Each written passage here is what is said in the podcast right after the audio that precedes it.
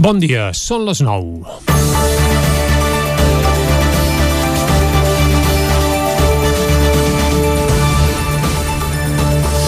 Avui és Rebetlla de Sant Joan, festa nacional dels països catalans, i avui s'encendran fogueres arreu del país i es faran celebracions amb reunions que, afortunadament, es podran fer amb menys restriccions de les que hi havia actives l'any passat.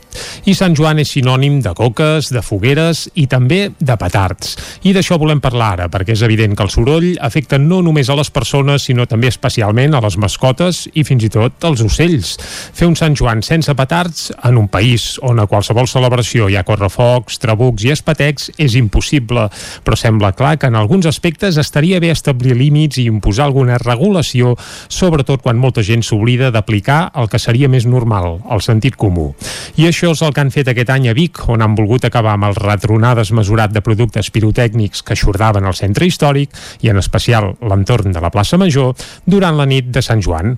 L'Ajuntament, doncs, ha aprovat un decret prohibint el llançament de petards sorollosos a totes les places del centre històric i amenaça amb multes de fins a 900 euros a qui ho incompleixi.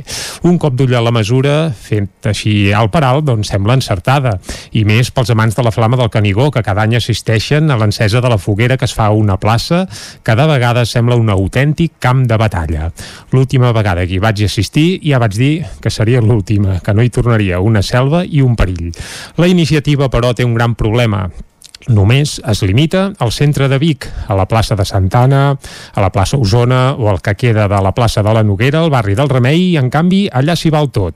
Encara que també hi hagi terrasses i gent prenent la fresca, als barris no hi ha restriccions. Un cop més, l'equip de govern ha fet diferències entre el Vic que hi ha més amunt del Meder i el Vic del Sud una llàstima. Sigui com sigui, avui és Sant Joan i toca festa. Celebrem l'arribada de l'estiu i amb el permís de Sant Pere, perquè sembla que la rebella pot venir acompanyada d'aigua en alguns racons del territori 17. Això ens ho explicarà en Pep Acosta d'aquí una estona. Doncs celebrem la fi de les grans restriccions, també si cal, del coronavirus. Va, vinga, bona nit, més curta de l'any a tots, per molts anys a tots els Joans i Joanes, i si pot ser que els petards esclatin amb mesura.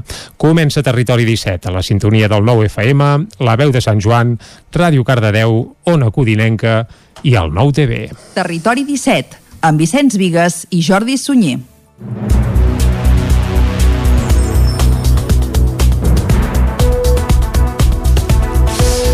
Són les 9 i gairebé 3 minuts d'aquest dimecres dia 23 de juny de 2021, vigília de Sant Joan.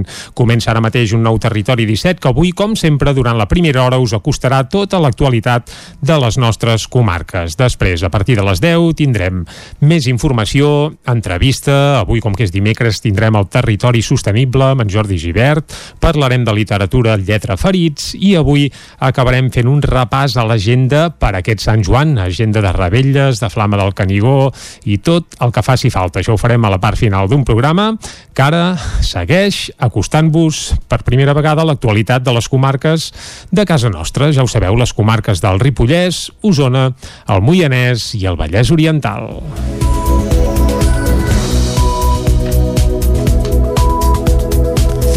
Els indults atorgats als presos independentistes resolen la seva situació personal, però no el conflicte de fons. En aquest punt hi conflueixen bona part dels principals actors polítics usonencs. Pedro Sánchez va anunciar dilluns els indults en un acte al Liceu de Barcelona i ahir el Consell de Ministres els va aprovar. Des de l'independentisme, la decisió del govern de Pedro Sánchez es veu com un rentat de cara relacionat amb el posicionament del Consell d'Europa d'aquest mateix dilluns i tot i al marge de dos anys que Esquerra, Junts i la CUP han donat a la taula de diàleg, aquesta opció genera escepticisme. Sentim en primer lloc a l'alcaldessa de Vic, Anna R, i a l'alcalde de Torelló, Marçal Ortuño. Per nosaltres això mm, és una bona notícia personal, però no és una bona notícia ni creiem que sigui de moment cap canvi de bones intencions. S'ha de dir que si fa aquest gesto i el fa eh, avui, a dia d'avui, també és degut al Consell d'Europa perquè senzillament ahir els hi van fer una gran rebregada. Positivament en la mesura que representa un alleujament de la situació doncs, de, dels nostres represaliats polítics, però tots sabem que evidentment aquesta no, no és la solució, que la solució eh, de, de la situació d'aquestes persones passa només per una amnistia i que la solució al conflicte passa només per a un referèndum d'autodeterminació. Des de la CUP tenen clar que els indults no són la solució. Sentim a Cesc Manrique, portaveu de la CUP a l'Ajuntament de Torelló. No creiem que sigui un primer pas, sinó que creiem que és un intent de, de, de tancar aquest procés i de mirar de, de tancar un acord on, on per una banda es renunciï a la unilateralitat i en canvi per l'altra es compensi amb l'indult d'aquests presos.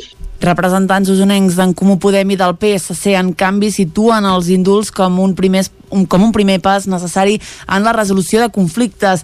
Uh, sentim el biguetà Marc Parés, diputat d'en Comú Podem, i Antoni Poyato, primer secretari del PSC a Osona. El primer pas eren els indults per garantir la llibertat dels nous presos i preses polítiques.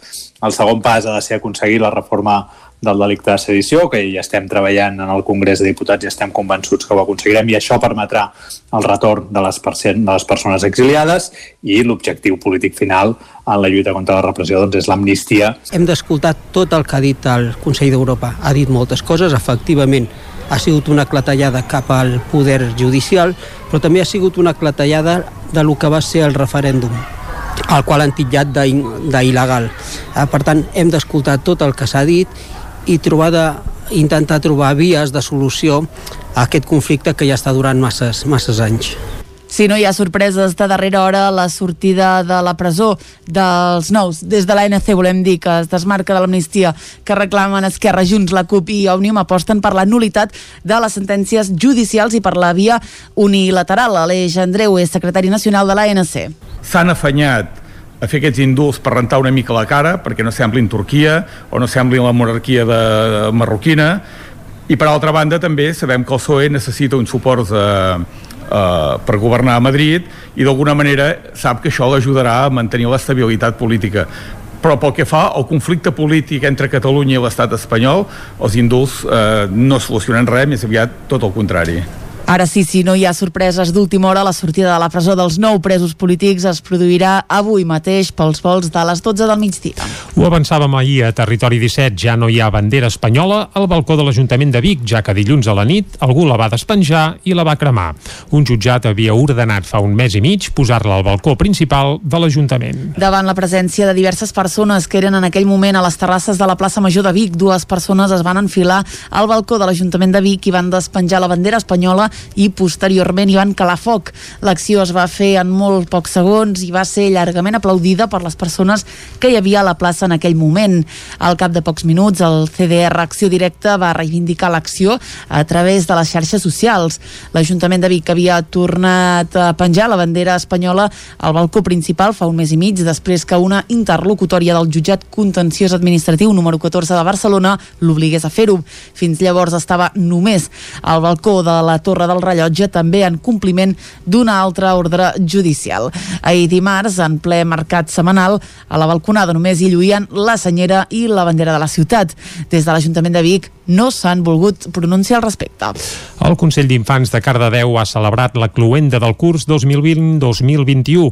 Les delegades i delegats han explicat les experiències viscudes durant el curs i també han donat a conèixer la proposta que presentaran als pressupostos participatius. David Auladell, de Ràdio Televisió Cardedeu. Una vintena de consellers i conselleres infantils i les seves acompanyants han participat a la cloenda del curs 2020-2021 del Consell d'Infants, en què hi participen infants de 5è i 6è de les escoles de Cardedeu. La jornada va consistir en una primera part per tal de conèixer tots i en la preparació del guió de la part pública de la trobada. La part pública va comptar amb la participació de l'alcalde Enric Oliver, la regidora d'Educació Dolors Sala i el regidor de Participació Ucloqueti. El Consell d'Infants va explicar la feina feta durant el curs i com es va poder dur a terme, tot i les restriccions causades per la pandèmia. També van fer l'explicació del projecte La salut és vida, cuidem-la, i també van fer pública la proposta guanyadora del Consell d'Infants d'entre la trentena de propostes presentades per participar als pressupostos participatius, una pista d'atletisme, futbol sala i bàsquet. Com que hi ha altres propostes en aquest sentit, finalment el que es proposa als pressupostos participatius és fer una pista d'atletisme a la zona del Pla Marcell. A partir del setembre començarà la fase de recollida de vots per poder dur a terme aquest projecte. Vic multarà qui tiri petards sorollosos al centre històric. L'Ajuntament vol acabar així amb danys, incidents i queixes, en especial a l'entorn de la plaça Major. La ciutat de Vic vol acabar amb el retronar desmesurat de productes pirotècnics que aixordaven el centre històric i en especial l'entorn de la plaça Major durant la nit de Sant Joan. L'Ajuntament ha aprovat un decret prohibint el llançament dels petards més sorollosos a totes les places del centre històric i amenaça multes de fins a 900 euros a qui ho incompleixi. En els últims anys, l'encesa de la foguera al mig de la plaça, però també l'any passat, que no n'hi va haver, donava pas a un autèntic terrabastall sonor pel llançament de petards i coets de gran potència que comportava reiterades queixes veïnals i de clients de les terrasses, però també baralles, lesions puntuals d'algun vianant o danys materials en edificis o mobiliari urbà, segons consta en reiterats informes de la Guàrdia Urbana. Davant d'això, l'Ajuntament ha decidit posar-hi fre i a totes les places del nucli antic només s'hi podran tirar petards de les classes F1 i F2, els de nivell sonor més baix, mentre que estaran prohibits els de l'F3, els més potents i perillosos. Així mateix, a la resta de places i espais públics de la ciutat caldrà mantenir unes distàncies mínimes per llançar els petards respecte de terceres persones o mobiliari en funció de la categoria de cada producte pirotècnic. El decret serà vigent avui i demà, dia de Sant Joan, i també els dies 28 i 29 de juny, coincidint amb la rebella de Sant Pere.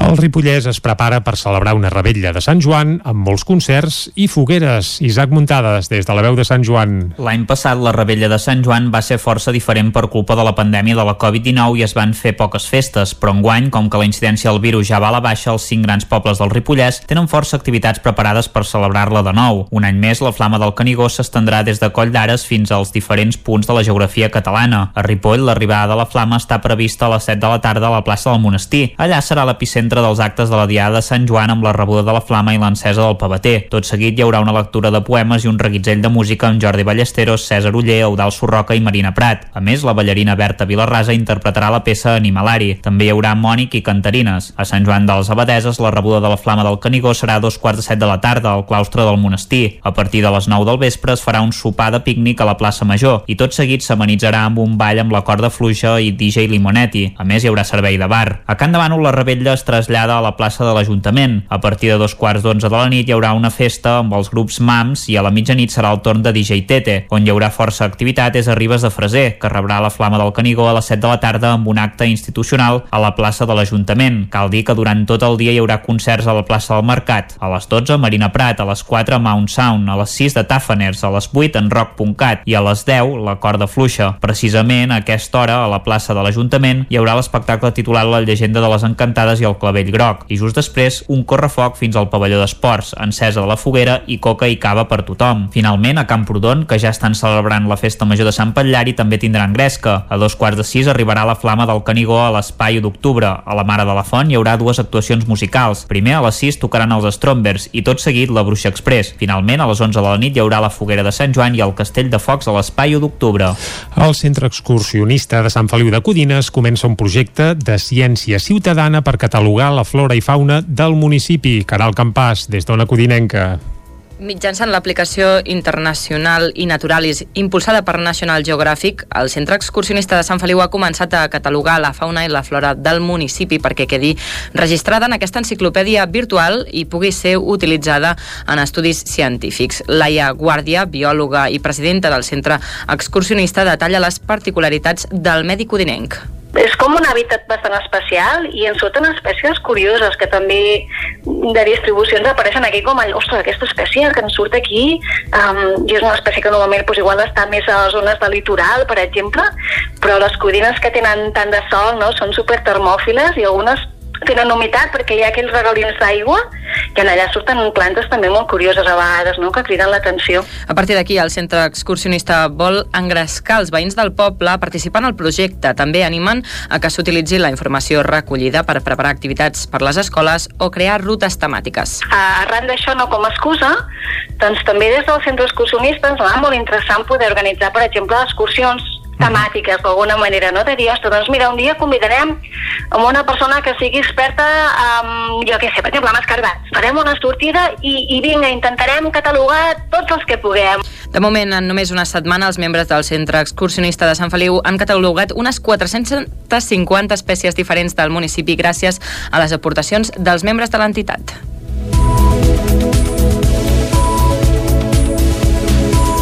Esports. L'equip femení del Club Patí Manlleu ha presentat els dos fitxatges per la propera temporada. Són la portera Anna Ferrer, que substituirà Fernanda Hidalgo, i Joana Comas, que torna a Osona després de jugar a Vilassana, d'on també prové Ferrer. Comas, que va començar a jugar a hoquei a Vic, ja havia estat a les categories inferiors del Manlleu. L'usonenca Joana Comas i Anna Ferrer del Vendrell, totes dues de 21 anys i procedents del Vilassana, són els dos fitxatges del Manlleu femení de cara a la nova temporada. Ferrer ha de cobrir la sortida de la portera Fernanda Hidalgo. L'altra baixa a la plantilla groc i vermella és la d'Aida Mas. Comas, que havia jugat a la base del Manlleu i que va debutar a les principals competicions amb el Voltregà, torna a la comarca després de tres temporades a Vilassana. Sentim per aquest ordre a Joana Comas i a Anna Ferrer. Evidentment que això és un atractiu i al mateix moment és una pressió que, que, bueno, que l'afronto amb totes les ganes possibles eh, per començar un repte que es presenta molt xulo i amb moltes ganes que sí que hauré de treballar molt per estar al nivell d'elles perquè tenen un nivell impressionant però bueno, faré tot el possible per estar al seu costat i poder competir de la millor manera possible. És un equip que té mm, molta història i a més pues, està lluitant per, tota, per tots els títols que, que hi ha ara mateix i la veritat és que era un honor per mi i m'ho vaig estar pensant i, i bé, vaig, vaig decidir que juntament amb la, amb tota la que és la universitat i així doncs, em, em podia anar bé i vaig decidir acceptar L'entrenador del Manlleu, Jordi Boada, es mostrava satisfet amb les incorporacions i destacava les qualitats de les dues jugadores. És una portera esquerrana, és diferent, és una portera amb molta mobilitat, amb bona lectura i ens encaixa molt doncs, dins del nostre model de joc. I llavors la Joana doncs, és una incorporació que ens ha de donar un plus. Uh, és una jugadora ja també consagrada de nivell, que coneix el club, i ens ha d'ampliar doncs, de, aquesta rotació que tenim perquè, sobretot perquè és una, és una jugadora amb polivalència Després de tancar la temporada alçant la Copa de la Reina i d'arribar a les fases finals de l'Hockey Lliga i de la Copa d'Europa, el Manlleu va fer dilluns l'últim entrenament abans de les vacances. I fins aquí el butlletí informatiu que us hem ofert amb les veus de Clàudia Dinarès, David Auladell, Caral Campàs i Isaac Muntades. Ara el que toca és el temps. Avui és especial perquè a Rebella de Sant Joan hem tingut una matinada passada per aigua. Ara mateix encara plou alguns racons del territori 17, com a Sant Feliu de Codines, per exemple, d'on és el Pep Acosta, i ara el saludarem de seguida per saber el temps que ens espera per segurament una de les nits on estaria bé que no plogués, però bé, això ens ho explicarà el Pep Acosta.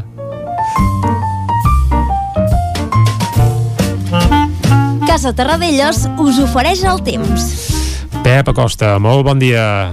Hola, molt bon dia. I molt bona hora. Benvingut a Informació del Temps. Gràcies. D'aquesta uh, rebella de Sant Joan. Ara, ara. Ja, ja tenim aquí el Sant Joan. I com ho tindrem, això? Molta gent té aquesta data assenyalant el calendari. I tant. Doncs bé, serà el dia més inestable de la setmana. Vaja. Mm -hmm. Anem a pams, anem a pams. Uh -huh. uh, continuem amb aquest escenari de calor moderada uh, ahir unes temperatures que en molt pocs casos van superar els 25 graus la majoria entre els 22 i els 28 uh, calor, això com deia, molt moderada les mínimes baixes en algunes zones 7 graus al Puig de Zolles també 7 a Molló 9 a Sant Pau de Segúries Déu-n'hi-do, déu nhi déu eh, quina fresca fa a les nits. Ja i continuem amb aquest panorama de moment. Uh, pel que fa a precipitacions uh, ahir, ahir la tarda nit vam tenir un petita tempesta cap al nord d'Osona va deixar entre 2 i 10 litres. Uh, aviam si aquestes tempestes uh, poden ser més intenses i extenses almenys avui i, i evitem el risc d'incendi aquesta nit uh, durant el dia es preveuen precipitacions. De moment ha pogut feblement, entre 1 i 2 litres a les nostres comarques, però sembla que aniran a més a les pròximes hores. Alguna tempesta pot ser forta. Hi ha un avís del Servei Meteorològic de Catalunya que hi pot haver alguna tempesta forta veurem com acaba tot plegat, jo crec que no acabarà plovent tant com diuen, la majoria de pluges per sota dels 10 litres. El que sí està clar és que a l'hora de la rebella, a l'hora de les festes, uh -huh. sembla que no plourà. Ah, les bueno. pluges durarien a tot estirar entre les 8, 9, 10 de la nit. Eh, segurament al nord d'Osona i Ripollès és on plourà fins més tard i allà sí que pot ser que alguna alguna celebració comenci amb aigua mm, però de seguida pararan aquestes tempestes, aquestes precipitacions les temperatures avui molt semblants a les d'ahir, entre màxim entre els 25 i els 30 graus, en molts pocs casos, gairebé en cap superaran els 30 graus, i a la nit, a l'hora de les festes també de les rebelles, un jersei a mà farà falta, eh? perquè és que les temperatures de major seran entre els 15 i els 20 graus Doncs farà per falta, sota sí, sí. 15 graus a la zona del Pirineu. Ha quedat clar eh, el temps avui? Sí, sí. Uh, molta inestabilitat, uh, pluja, però jo crec que a partir de les 8-9 de la nit aniran desapareixent la majoria de les precipitacions i quedarà una rebella fresca, però sense pluja, eh? Atenció, bastant, bastanta fresca. I a partir de demà, aquesta pertorbació que ens creu avui se'n va, Mhm. se'n va cap a França, entrarà el típic anticicló de les Azores i tindrem molts dies amb molt de sol, amb molt de sol, unes temperatures ja plenament d'estiu i només alguna nuvolada i alguna tempesta, però molt poca cosa, eh, cap al Pirineu. Mm, farà això, eh, un, un temps ja plenament d'estiu, molta estabilitat uh -huh. i unes temperatures ja amb més de 30 graus i molta, molta eh, tranquil·litat. Eh, el temps que toca per aquest final de juny i principis de juliol. Eh, anticicló, sol, molta tranquil·litat. Moltes gràcies i molt bona Rebella de Sant Joan. Adeu. Va, igualment, Pep, molt bona rebella, però et trucarem més tard, eh, a les 10 tocades, perquè ens actualitzis uh, la informació meteorològica. Ja ens queda clar que avui serà un dia complicat, però a partir de demà això ja serà un estiu amb calorades i una mica tal com, tal com toca. Fet aquest apunt meteorològic, el que ens toca ara aquí, a Territori 17, és anar a fer un cop d'ull a les portades de la premsa d'avui. Anem-hi. Casa Tarradellas us ha ofert aquest espai. Thank you. I aquest cop d'ull a la premsa diària el fem, com sempre, de la mà de la Clàudia Dinarès. Clàudia, bon dia altra vegada. Molt bon dia de nou. Ja estàs a punt per anar de rebella. Molt sí, a punt. Eh? Val, Però fantàstic. molt, eh? Uh, du un jersei, eh? Ens ho ha dit en. Pep Acosta, que això serà frescot. Esperem que Sí, sí, sigui sense aigua, Esperem. però, però la fresca no ens la traurà ningú. Què diu la premsa d'avui? Suposo que, a part de Sant Joan, aquí qui mana són els indults, eh? Exactament, eh? És clarament uh, la notícia de les portades d'aquest dimecres. Anem al punt avui que diu Indults, és el titular de la portada. Diu reversibles i amb inhabilitació. El govern espanyol manté la inhabilitació als nou presos a qui ahir va concedir l'indult. La mesura de gràcia es pot revocar si els afectats reincideixen. Altres titulars, Fiscalia i jutjats mantenen intacta la repressió de l'1 d'octubre, 33 premis Nobel donen suport a Mas Colell i la mesura de gràcia no afecta els dirigents a l'exili. L'ANC, per la seva banda, posa en qüestió que els indultats liderin el procés. Anem al diari ara que diu indults, el primer pas, parla del taula de diàleg, del Tribunal de Comptes, de la reforma de la sedició, de protestes, fan com una mena de recorregut altres titulars de l'Ara, Maragall anuncia que vol repetir de candidat d'Esquerra a alcalde de Barcelona Carai. i preocupació pel perill Incombustible. Maragall, eh? Vull dir. Exacte, sí, seguim, sí. Seguim, perdó, perdó. i preocupació pel perill de descontrol a les platges per Sant Joan. El periòdico Sánchez se la juga. El Consell de Ministres aprova els indults pels nou condemnats del procés per tornar a la via que mai s'hauria d'haver abandonat. Cordó contra el botellón a les platges de la Barceloneta per la rebella i preocupació per l'augment de casos de Covid en els menors de 30 anys. Anem a l'avantguàrdia que diu els indults obren la via política per encarar el conflicte català. Aragonès situa el referèndum en l'eix de la negociació i el Barça encarrila el sí de Leo Messi a l'oferta de renovació. Home, veient el documental que van passar ahir a TV3, això gairebé era ja renovar-lo directament, eh? perquè si tota la parròquia que el va seguir eh, li comenta com li va agradar, entre cometes, doncs bé, sembla que és una bona manera de tenir-lo aquí, entre nosaltres uns quants anys més. Seguim, què més? Anem a Madrid, anem Jordi? a Madrid, va, Doncs va, anem cap a Madrid. Què diuen a Madrid? Comencem pel país que diu Sánchez proclama una etapa de diàleg després dels indults. El Consell de Ministres aprova el perdó parcial als líders del procés.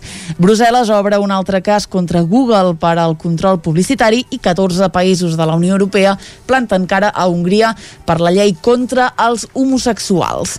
Anem al Mundo que diu els indults eh, envalentonen el separatisme dos punts, referèndum ja. Uh, L'expert en indults carrega contra els expedients, és el titular que acompanya uh, la fotografia. La policia creu que Podemos va justificar pagaments a Neurona amb documents falsificats i el govern deixa fora de la rebaixa de la llum el 75% dels comerços. Anem a la raó que diu indultats. El sobiranisme llança un desafiament el dia en què el govern concedeix la mesura de gràcia. A la imatge hi veiem en petit a tots els presos polítics que avui mm -hmm. queden en llibertat i també veiem el president eh, Pedro Sánchez sortint ahir de la Moncloa han eh, destacat una declaració seva, diu és la millor decisió pel país, els presos ja han pagat un preu molt alt. Uh, què més? Uh, diu, s'anulen les penes per sedició i malversació i es mantenen les inhabilitacions.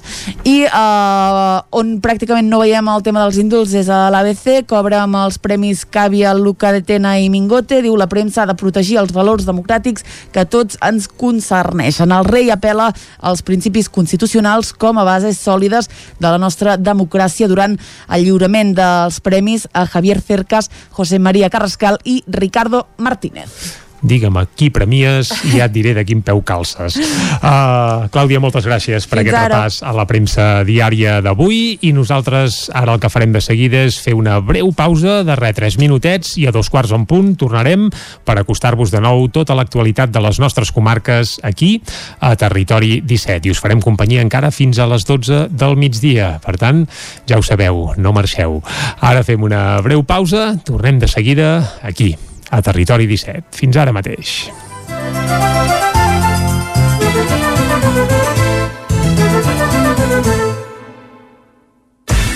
El nou FM, la ràdio de casa, al 92.8. Vols treballar a la ràdio, a la televisió, en un diari o en una agència de notícies? Grau en periodisme a la UBIC. Un grau orientat tant a mitjans tradicionals com a la comunicació digital. Viu la comunicació. Informa't a ubic.cat barra info barra comunicació. Universitat de Vic. Universitat Central de Catalunya.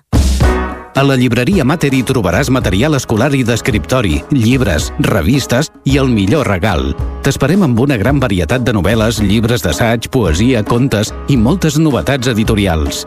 I per anar ben equipat a l'escola tenim motxilles, estoig, carpetes, llibretes, bolígrafs i molt més. Recorda que amb la targeta client tens descomptes. Mater, llibreters amb vocació des de 1957. Llibreria Mater. Ens trobaràs al carrer Pla de Balanyà número 23 de Vic i a mater.cat. A la llibreria Pedra Paper Tisora hi trobaràs una gran varietat en llibres, material escolar, motxilles i maletes de viatge, estoig, jocs educatius, regals originals, enquadernat, plastificació, pedra, paper, tisora. Som al carrer Marquès de Palmerola, número 13 de Sant Hipòlit de Voltregà. Pastisseria Zavara de Tona és tradició i alhora innovació i pastisseria moderna. Amb la quarta generació de la família Cors al capdavant, la besneta de Joan Cors segueix elaborant l'especialitat de la casa, la tortada, així com pastissos per festes i celebracions.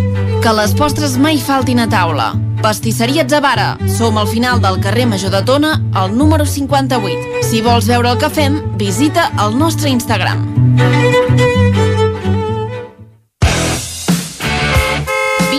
Autoscola Montseny. Ara és el moment de fer els cursos de teòrica intensius, ràpid i eficaç. T'informarem dels PACs. Permís de moto de 16 i 18 anys i permís de cotxe. I si vens a veure'ns, tindràs un obsequi. Apunta't i no t'ho pensis més. Per més informació, Autoscola Montseny, Rambla de Vallades, número 13 de Vic. Busca'ns a Instagram i Facebook. Ravella de Sant Joan, al restaurant Casa Vostra. Sopar, música en directe amb Joan Aromí, fi de festa amb coca, llangonissa i cava. Vine i disfruta de la Ravella de Sant Joan amb un bon sopar i la millor música. Restaurant Casa Vostra al carrer Pla de Balanyà, número 18 de Vic. Fes la teva reserva al 639 355 320. El nou FM.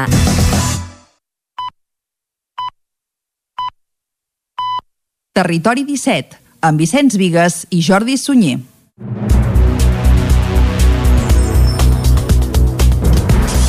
Són dos quarts de deu en punt d'avui dimecres, dia 23 de juny de 2021, eh, dia de la rebella de Sant Joan, diuen la nit més curta de l'any i, evidentment, una nit especial que ja ens ha quedat clar que, si més no, a primera hora de la tarda segurament serà passada per aigua a molts racons del territori 17, tot i que sembla que pel que ens ha dit en Pep Acosta, a partir de les 8, de les 9, quan comencen aquells sopars populars per celebrar la rebella, doncs sí que la pluja podria anar amainant tant. Això sí, un jerseiet perquè farà força fresca.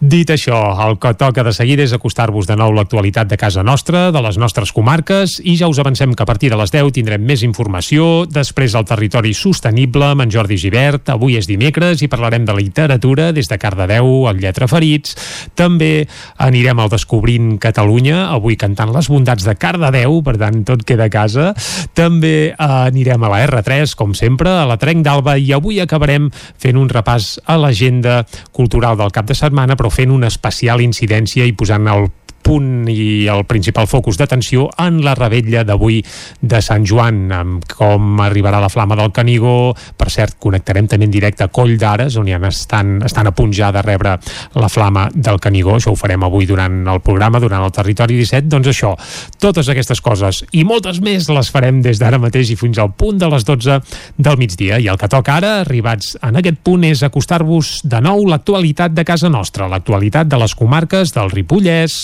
Osona, el Moianès i el Vallès Oriental.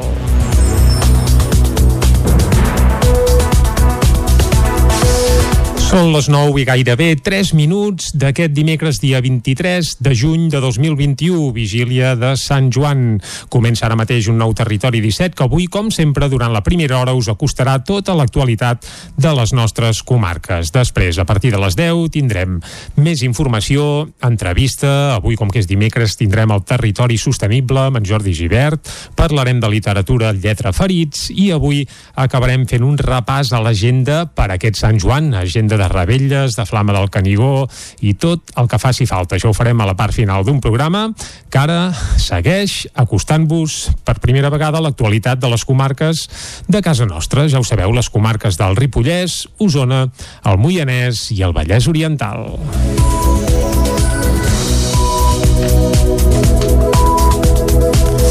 Els indults atorgats als presos independentistes resolen la seva situació personal, però no el conflicte de fons. En aquest punt hi conflueixen bona part dels principals actors polítics usonencs. Pedro Sánchez va anunciar dilluns els indults en un acte al Liceu de Barcelona i ahir el Consell de Ministres els va aprovar. Des de l'independentisme, la decisió del govern de Pedro Sánchez es veu com un rentat de cara relacionat amb el posicionament del Consell d'Europa d'aquest mateix dilluns i tot i al marge de dos anys que Esquerra, Junts i la CUP han donat a la taula de diàleg, aquesta opció genera escepticisme. Sentim en primer lloc a l'alcaldessa de Vic, Anna R, i a l'alcalde de Torelló, Marçal Ortuño. Per nosaltres això mm, és una bona notícia personal, però no és una bona notícia ni creiem que sigui de moment cap canvi de bones intencions. S'ha de dir que si fa aquest gesto i el fa eh, avui, a dia d'avui, també és degut al Consell d'Europa perquè senzillament ahir els hi van fer una gran rebregada. Positivament en la mesura que representa un alleujament de la situació doncs, de, dels nostres represaliats polítics, però tots sabem que evidentment aquesta no, no és la solució, que la solució eh, de, de la situació d'aquestes persones passa només per una amnistia i que la solució al conflicte passa només per a un referèndum d'autodeterminació. Des de la CUP tenen clar que els indults no són la solució. Sentim Cesc Manrique, portaveu de la CUP a l'Ajuntament de Torelló. No creiem que sigui un primer pas, sinó que creiem que és un intent de, de, de tancar aquest procés i de mirar de, de tancar un acord on no, per una banda es renunciï a la unilateralitat i en canvi per l'altra es compensi amb indult aquests presos. Representants usonencs d'en Comú Podem i del PSC en canvi situen els indults com un primer com un primer pas necessari en la resolució de conflictes. Uh, sentim el biguetà Marc Parés, diputat d'en Comú Podem, i Antoni Poyato, primer secretari del PSC a Osona. El primer pas eren els indults per garantir la llibertat dels nous presos i preses polítiques. El segon pas ha de ser aconseguir la reforma del delicte de sedició, que hi estem treballant en el Congrés de Diputats i estem convençuts que ho aconseguirem i això permetrà el retorn de les, de les persones exiliades i l'objectiu polític final en la lluita contra la repressió doncs, és l'amnistia. Hem d'escoltar tot el que ha dit el Consell d'Europa. Ha dit moltes coses, efectivament ha sigut una clatellada cap al poder judicial, però també ha sigut una clatellada de lo que va ser el referèndum el qual han titllat d'il·legal. Eh, per tant, hem d'escoltar tot el que s'ha dit i trobar de, intentar trobar vies de solució a aquest conflicte que ja està durant masses, masses anys. Si no hi ha sorpreses de darrera hora, la sortida de la presó dels nous. Des de l'ANC volem dir que es desmarca de l'amnistia que reclamen Esquerra, Junts, la CUP i Òmnium aposten per la nulitat de les sentències judicials i per la via unilateral. Aleix Andreu és secretari nacional de l'ANC. S'han afanyat a fer aquests indults per rentar una mica la cara perquè no semblin Turquia o no semblin la monarquia de, marroquina i per altra banda també sabem que el PSOE necessita un suport eh, eh, per governar a Madrid i d'alguna manera sap que això l'ajudarà a mantenir l'estabilitat política però pel que fa al conflicte polític entre Catalunya i l'estat espanyol, els indults eh, no solucionen res, més aviat tot el contrari. Ara sí, si no hi ha sorpreses d'última hora, la sortida de la presó dels nou presos polítics es produirà avui mateix pels vols de les 12 del migdia. Ho avançàvem ahir a Territori 17, ja no hi ha bandera espanyola al balcó de l'Ajuntament de Vic, ja que dilluns a la nit algú la va despenjar i la va cremar. Un jutjat havia ordenat fa un mes i mig posar-la al balcó principal de l'Ajuntament. Davant la presència de diverses persones que eren en aquell moment a les terrasses de la plaça Major de Vic, dues persones es van enfilar al balcó de l'Ajuntament de Vic i van despenjar la bandera espanyola i posteriorment hi van calar foc. L'acció es va fer en molt pocs segons i va ser llargament aplaudida per les persones que hi havia a la plaça en aquell moment. Al cap de pocs minuts, el CDR Acció Directa va reivindicar l'acció a través de les xarxes socials. L'Ajuntament de Vic havia tornat a penjar la bandera espanyola al balcó principal fa un mes i mig després que una interlocutòria del jutjat contenciós administratiu número 14 de Barcelona l'obligués a fer-ho. Fins llavors estava només al balcó de la Torre del Rellotge també en compliment d'una altra ordre judicial. Ahir dimarts, en ple mercat setmanal, a la balconada només hi lluïen la senyera i la bandera de la ciutat. Des de l'Ajuntament de Vic no s'han volgut pronunciar al respecte.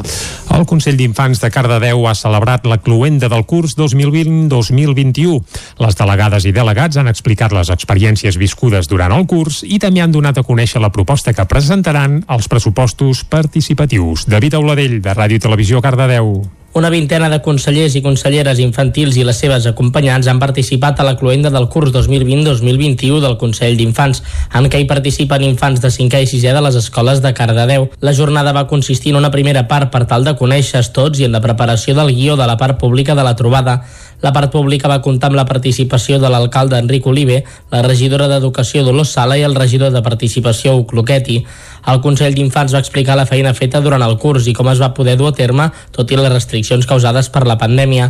També van fer l'explicació del projecte La salut és vida, cuidem-la, i també van fer pública la proposta guanyadora del Consell d'Infants d'entre la trentena de propostes presentades per participar als pressupostos participatius, una pista d'atletisme, futbol sala i bàsquet. Com que hi ha altres propostes en aquest sentit, finalment el que es proposa als pressupostos participatius és fer una pista d'atletisme a la zona del Pla Marcell. A partir del setembre començarà la fase de recollida de vots per poder dur a terme aquest projecte. Vic multarà qui tiri petards sorollosos al centre històric. L'Ajuntament vol acabar així amb danys, incidents i queixes, en especial a l'entorn de la plaça Major. La ciutat de Vic vol acabar amb el retronar desmesurat de productes pirotècnics que aixordaven el centre històric i en especial l'entorn de la plaça Major durant la nit de Sant Joan. L'Ajuntament ha aprovat un decret prohibint el llançament dels petards més sorollosos a totes les places del centre històric i amenaça multes de fins a 900 euros a qui ho incompleixi. En els últims anys, l'encesa de la foguera al mig de la plaça, però també l'any passat, que no n'hi va haver, donava pas a un autèntic terrabastall sonor pel llançament de petards i coets de gran potència que comportava reiterades queixes veïnals i de clients de les terrasses, però també baralles, lesions puntuals d'algun vianant o danys materials en edificis o mobiliari urbà, segons consta en reiterats informes de la Guàrdia Urbana. Davant d'això, l'Ajuntament ha decidit posar-hi fre i a totes les places del nucli antic només s'hi podran tirar petards de les classes F1 i F2, els de nivell sonor més baix, mentre que estaran prohibits els de l'F3, els més potents i perillosos. Així mateix, a la resta de places i espais públics de la ciutat caldrà mantenir unes distàncies mínimes per llançar els petards respecte de terceres persones o mobiliari en funció de la categoria de cada producte pirotècnic. El decret serà vigent avui i demà, dia de Sant Joan, i també els dies 28 i 29 de juny, coincidint amb la rebella de Sant Pere. El Ripollès es prepara per celebrar una rebella de Sant Joan amb molts concerts i fogueres. Isaac Muntades, des de la veu de Sant Joan. L'any passat la rebella de Sant Joan va ser força diferent per culpa de la pandèmia de la Covid-19 i es van fer poques festes, però enguany, com que la incidència del virus ja va a la baixa, els cinc grans pobles del Ripollès tenen força activitats preparades per celebrar-la de nou. Un any més, la flama del Canigó s'estendrà des de Coll d'Ares fins als diferents punts de la geografia catalana. A Ripoll, l'arribada de la flama està prevista a les 7 de la tarda a la plaça del Monestir. Allà serà l'epicentre dels actes de la Diada de Sant Joan amb la rebuda de la flama i l'encesa del pavater. Tot seguit hi haurà una lectura de poemes i un reguitzell de música amb Jordi Ballesteros, César Uller, Eudal Sorroca i Marina Prat. A més, la ballarina Berta Vilarrasa interpretarà la peça Animalari. També hi haurà Mònic i cantarines. A Sant Joan de les Abadeses, la rebuda de la flama del Canigó serà a dos quarts de set de la tarda al claustre del monestir. A partir de les 9 del vespre es farà un sopar de pícnic a la plaça Major i tot seguit s'amenitzarà amb un ball amb la corda fluixa i DJ Limonetti. A més, hi haurà servei de bar. A Can de Bànol, la rebella es trasllada a la plaça de l'Ajuntament. A partir de dos quarts d'onze de la nit hi haurà una festa amb els grups MAMS i a la mitjanit serà el torn de DJ Tete. On hi haurà força activitat és a Ribes de Freser, que rebrà la flama del Canigó a les 7 de la tarda amb un acte institucional a la plaça de l'Ajuntament. Cal dir que durant tot el dia hi haurà concerts a la plaça del Mercat. A les 12 Marina Prat, a les 4 Mount Sound, a les 6 de Tafaners, a les 8 en Rock.cat i a les 10 la corda fluixa. Precisament a aquesta hora, a la plaça de l'Ajuntament, hi haurà l'espectacle titulat La llegenda de les encantades i el clavell groc. I just després, un correfoc fins al pavelló d'esports, encesa de la foguera i coca i cava per tothom. Finalment, a Camprodon, que ja estan celebrant la festa major de Sant Patllari, també tindran gresca. A dos quarts de sis arribarà la flama del Canigó a l'espai d'octubre. A la Mare de la Font hi haurà dues actuacions musicals. Primer, a les 6 tocaran els Strombers i tot seguit la Bruixa Express. Finalment, a les 11 de la nit hi haurà la foguera de Sant Joan i el Castell de Focs a l'espai d'octubre. El Centre Excursionista de Sant Feliu de Codines comença un projecte de ciència ciutadana per catalogar la flora i fauna del municipi. Caral Campàs, des d'Ona Codinenca. Mitjançant l'aplicació internacional i Naturalis impulsada per National Geographic, el Centre Excursionista de Sant Feliu ha començat a catalogar la fauna i la flora del municipi perquè quedi registrada en aquesta enciclopèdia virtual i pugui ser utilitzada en estudis científics. Laia Guàrdia, biòloga i presidenta del Centre Excursionista, detalla les particularitats del medi codinenc. És com un hàbitat bastant especial i en surten espècies curioses que també de distribucions apareixen aquí com, ostres, aquesta espècie que ens surt aquí um, i és una espècie que normalment doncs, igual està més a les zones de litoral, per exemple, però les codines que tenen tant de sol no, són super termòfiles i algunes tenen humitat perquè hi ha aquells regalins d'aigua que allà surten plantes també molt curioses a vegades, no?, que criden l'atenció. A partir d'aquí, el centre excursionista vol engrescar els veïns del poble a participar en el projecte. També animen a que s'utilitzi la informació recollida per preparar activitats per les escoles o crear rutes temàtiques. Arran d'això, no com a excusa, doncs també des del centre excursionista ens va molt interessant poder organitzar, per exemple, excursions temàtiques d'alguna manera, no? De dir, ostres, doncs mira, un dia convidarem a una persona que sigui experta en, jo què sé, per exemple, amb escarbats. Farem una sortida i, i vinga, intentarem catalogar tots els que puguem. De moment, en només una setmana, els membres del Centre Excursionista de Sant Feliu han catalogat unes 450 espècies diferents del municipi gràcies a les aportacions dels membres de l'entitat.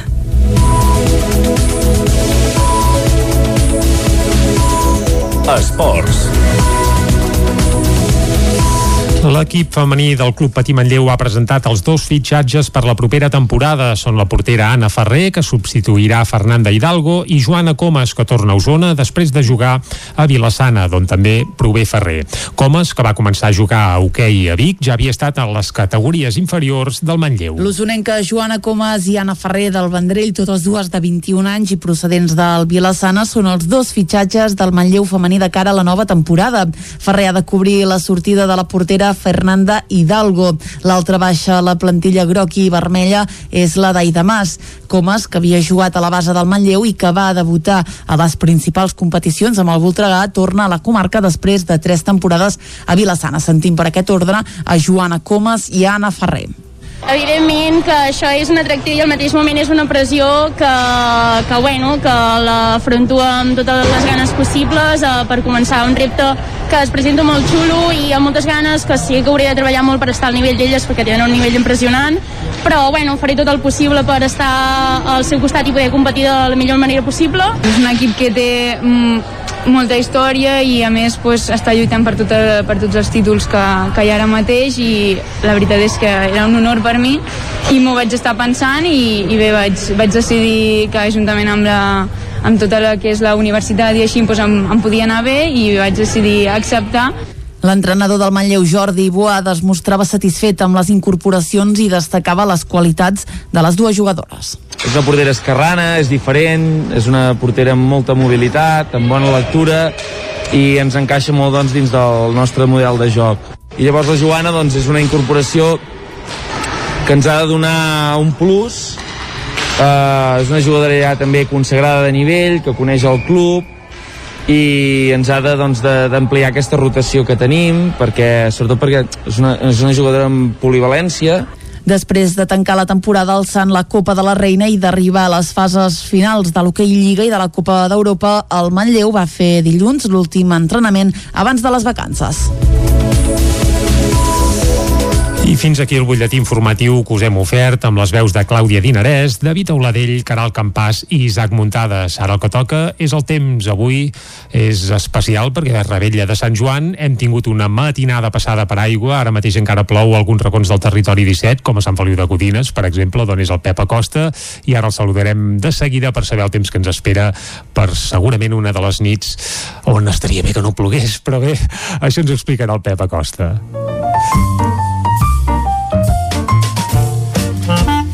Casa Terradellos us ofereix el temps. Pep Acosta, molt bon dia. Hola, molt bon dia. I molt bona hora. Benvingut a informació del temps. Gràcies. D'aquesta uh, rebella de Sant Joan. Ara, ara. I ja tenim aquí el Sant Joan. I com ho tindrem, això? Molta gent té aquesta data assenyalant al calendari. I tant. Doncs bé, serà el dia més inestable de la setmana. Vaja. Mm -hmm. Anem a pams, anem a pams. Mm -hmm. uh, continuem amb aquest escenari de calor moderada. Uh, ahir unes temperatures que en molt pocs casos van superar els 25 graus. La majoria entre els 22 i els 28. Uh, calor, això com deia, molt moderada. Les mínimes baixes en algunes zones. 7 graus al Puig de Zolles, també 7 a Molló, 9 a Sant Pau de Segúries. Déu-n'hi-do, déu nhi déu uh, quina fresca fa a les nits. Ja I bé. continuem amb aquest panorama, de moment. Uh, pel que fa a precipitacions, uh, ahir, ahir la tarda nit vam tenir un petita tempesta cap al nord d'Osona, va deixar entre 2 i 10 litres. Uh, aviam si aquestes tempestes poden ser més intenses i extenses, almenys avui, i, i evitem el risc d'incendi aquesta nit. Uh, durant el dia es preveuen precipitacions. De moment ha pogut feblement, entre 1 i 2 litres a les nostres comarques, però sembla que aniran a més a les pròximes hores.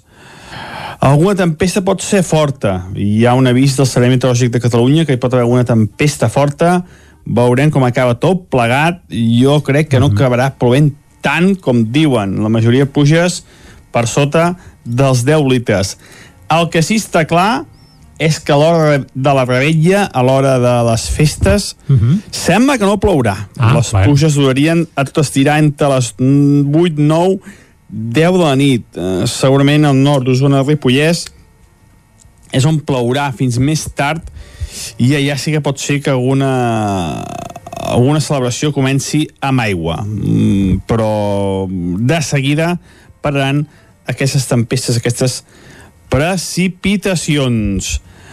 Les temperatures avui molt semblants a les d'ahir, entre màxim entre els 25 i els 30 graus, Mm, en molts pocs casos, gairebé en cap superaran els 30 graus, i a la nit, a l'hora de les festes també de les rebelles, un jersei a mà farà falta, eh? perquè és que les temperatures de major seran entre els 15 i els 20 graus Doncs farà per falta, sota sí, sí. 15 graus a la zona del Pirineu. Ha quedat clar eh, el temps d'avui? Sí, sí. Uh, molta inestabilitat, uh, pluja, però jo crec que a partir de les 8-9 de la nit aniran desapareixent la majoria de les precipitacions i quedarà una rebella fresca, però sense pluja, eh? Atenció, bastant, bastanta fresca.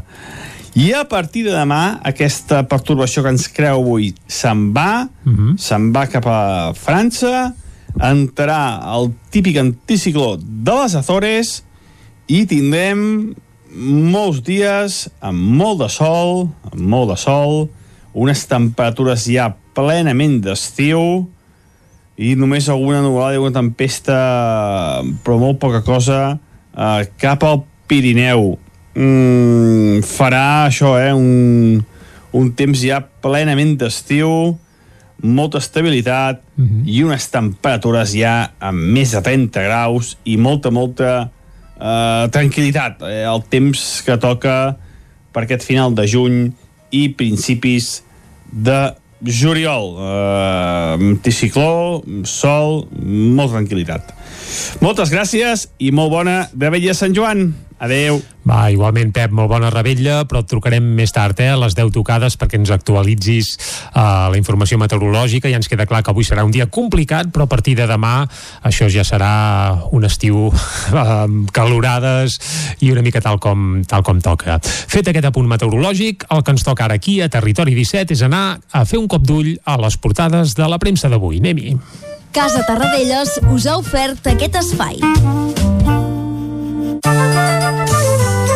I aquest cop d'ull a la premsa diària el fem, com sempre, de la mà de la Clàudia Dinarès. Clàudia, bon dia altra vegada. Molt bon dia de nou. Ja estàs a punt per anar de rebella. Molt sí, a punt. Eh? Val, Però molt, fantàstic. eh? Uh, Dut un jersei, eh? Ens ho ha dit en. Pep Acosta, que això serà frescot. Esperem que Sí, sí, sigui sense aigua, Esperem. però, però la fresca no ens la traurà ningú. Què diu la premsa d'avui? Suposo que, a part de Sant Joan, aquí qui mana són els indults, Exactament, eh? Eh, És clarament uh, la notícia de les portades d'aquest dimecres. Anem al punt avui que diu Indults, és el titular de la portada. Diu reversibles i amb inhabilitació. El govern espanyol manté la inhabilitació als nou presos a qui ahir va concedir l'indult. La mesura de gràcia es pot revocar si els afectats reincideixen.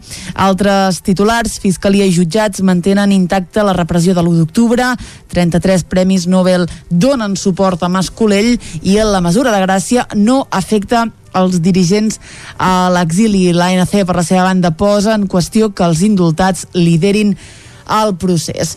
Anem al diari ara que diu indults, el primer pas parla del taula de diàleg, del Tribunal de Comptes, de la reforma de la sedició, de protestes, fan com una mena de recorregut altres titulars de l'Ara, Maragall anuncia que vol repetir de candidat d'Esquerra a alcalde de Barcelona Carai. i preocupació pel perill de... Incombustible. Maragall, eh? Vull dir. Exacte, sí, seguim, sí. Seguim, perdó, perdó. i preocupació pel perill de descontrol a les platges per Sant Joan. El periòdico Sánchez se la juga. El Consell de Ministres aprova els indults pels nou condemnats del procés per tornar a la via que mai s'hauria d'haver abandonat. Cordó contra el botellón a les platges de la Barceloneta per la rebella i preocupació per l'augment de casos de Covid en els menors de 30 anys. Anem a l'avantguàrdia que diu els indults obren la via política per encarar el conflicte català. Aragonès situa el referèndum en l'eix de la negociació i el Barça encarrila el sí de Leo Messi a l'oferta de renovació. Home, veient el documental que van passar ahir a TV3, això gairebé era ja renovar-lo directament, eh? perquè si tota la parròquia que el va seguir eh, li comenta com li va agradar, entre cometes, doncs bé, sembla que és una bona manera de tenir-lo aquí, entre nosaltres uns quants anys més. Seguim, què més? Anem a Madrid, anem Jordi? a Madrid, va, Doncs va, anem cap a Madrid. Què diuen a Madrid? Comencem pel país que diu Sánchez proclama una etapa de diàleg després dels indults. El Consell de Ministres aprova el perdó parcial als líders del procés. Brussel·les obre un altre cas contra Google per al control publicitari i 14 països de la Unió Europea planten cara a Hongria per la llei contra els homosexuals. Anem al Mundo que diu els indults eh, envalentonen el separatisme. Dos punts, referèndum ja. Uh, L'expert en indults carrega contra els expedients, és el titular que acompanya uh, la fotografia. La policia creu que Podemos va justificar pagaments a Neurona amb documents falsificats i el govern deixa fora de la rebaixa de la llum el 75% dels comerços. Anem a la raó que diu indultats. El sobiranisme llança un desafiament el dia en què el govern concedeix la mesura de gràcia. A la imatge hi veiem en petit a tots els presos polítics que avui queden en llibertat i també veiem el president eh, Pedro Sánchez sortint ahir de la Moncloa han eh, destacat una declaració seva, diu és la millor decisió pel país, els presos ja han pagat un preu molt alt. Uh, què més? Uh, diu, s'anulen les penes per sedició i malversació i es mantenen les inhabilitacions. I uh, on pràcticament no veiem el tema dels indults és a l'ABC, cobra amb els premis Càvia, Luca de Tena i Mingote, diu la premsa ha de protegir els valors democràtics que tots ens concerneixen. El rei apela als principis constitucionals com a bases sòlides de la nostra democràcia durant el lliurament dels premis a Javier Cercas, José María Carrascal i Ricardo Martínez. És ben bé que digue'm a qui premies i ja et diré de quin peu calces. Això és el que titulava l'ABC. Uh, moltes gràcies, uh, Clàudia, per aquest repàs a les portades. Tanquem ara aquí el bloc informatiu i, com sempre, abans d'arribar al punt de les 10 aquí a Territori 17, el que fem és posar-hi música. Avui ho farem amb una de les que serà de ben segur la cançó de l'estiu. Estem parlant de No sé com tu fas dels Amics de les Arts. Aquesta cançó, a més a més, ha estat escollida per la Corporació Catalana de Mitjans i audiovisuals per centrar la seva campanya d'estiu, per tant ens matrallaran per terra, mar i aire des de Catalunya Ràdio i TV3 durant tots aquests dies amb aquesta cançó, però nosaltres no farem com ells, sinó que la passarem sencera, sense trampes ni cartrons, i és que aquesta peça és el nou senzill que han editat els Amics de les Arts eh, de cara a aquest estiu, i també per donar pas a una gira que faran precisament també aquest estiu, on el que faran és revisitar les seves cançons, sobretot les dels primers àlbums, això sí, amb un to i un so diferent. És a dir, són els tres amics, amb les seves eines i amb un duet de trombons que fan una espècie de riff que ara escoltareu de seguida que es patega prou bé. Va, fins a arribar al punt de les 10, us deixem amb aquest No sé com tu fas, la cançó d'estiu dels Amics de les Arts. A les 10 tornem. No vas marxar diluint en el paisatge o esquivant-te fent mil plans ignorant les teves traces procurant no prendre mal ho tenia tan i tan a prop ho tenia tan i tan a prop conquerir de nou al nord, convertir-te en un record, ho tenia tan i tan a prop. Hey!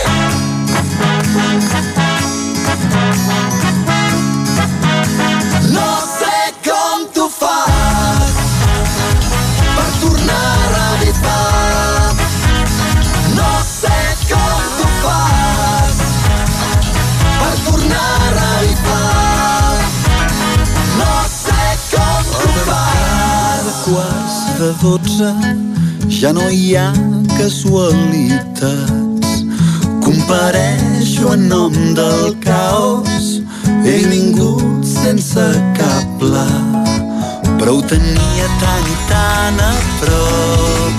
Ho tenia tan i tan a prop, just en el pitjor moment, quan la Déu era imminent, ho tenia tan i tan a prop.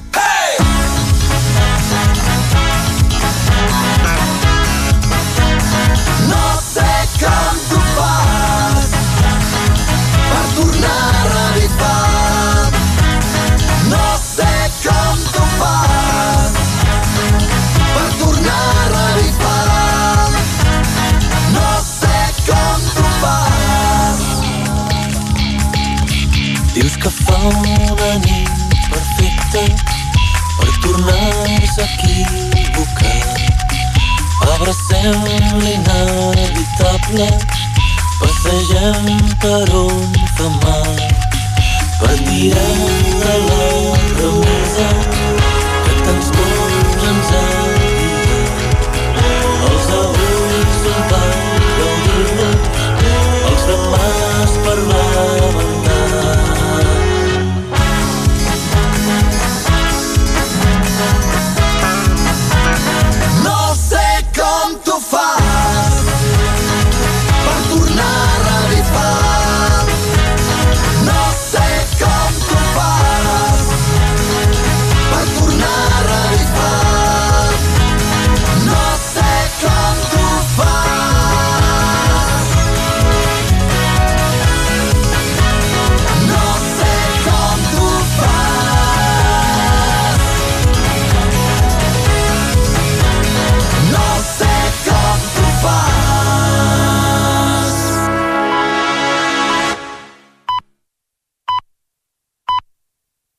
la informació de les nostres comarques, les comarques del Ripollès, Osona, el Moianès i el Vallès Oriental. Des de dilluns i fins diumenge, Rupit acollirà 38 activitats de la Mobile Week, una setmana tecnològica que es fa a diferents poblacions catalanes. Rupit és el poble més petit que hi participa, amb un programa d'actes ple de tallers, xerrades i conferències per acostar la tecnologia al món rural. Treballar la xocolata a l'estil convencional o amb una impressora 3D. Els dos models van conviure aquest dilluns a la tarda en una de les primeres activitats de la Mobile Week que es fa a Rupit de la mà de la Fundació Itinerarium i FarmLab. Rupit és el primer poble petit que celebra amb 17 poblacions catalanes més la Mobile Week.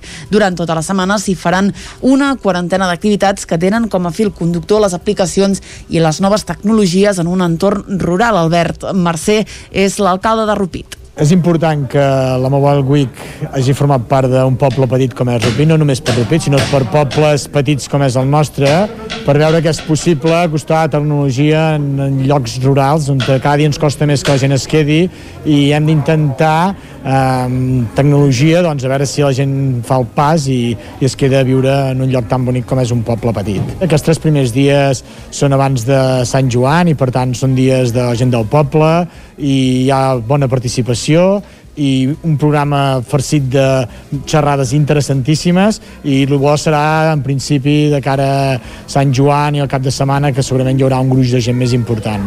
Les activitats volen ensenyar com aplicar la tecnologia a l'entorn rural i s'hi tocaran molts temes com el turisme sostenible. Marc Vives és el director de la Fundació Itinerarium. Explicarem una, una aplicació que ens pot permetre aquest col·lapse que vivim sempre en els pobles als caps de setmana, doncs a partir doncs, d'una aplicació i sensors als pàrquings, doncs aquí a Rupit, per exemple, doncs es podria posar una pantalla, dic jo, a Roda de Ter, on sigui, per d'alguna manera doncs, dir, escolta, està complet, no cal que pugeu, aneu cap a un altre lloc. No?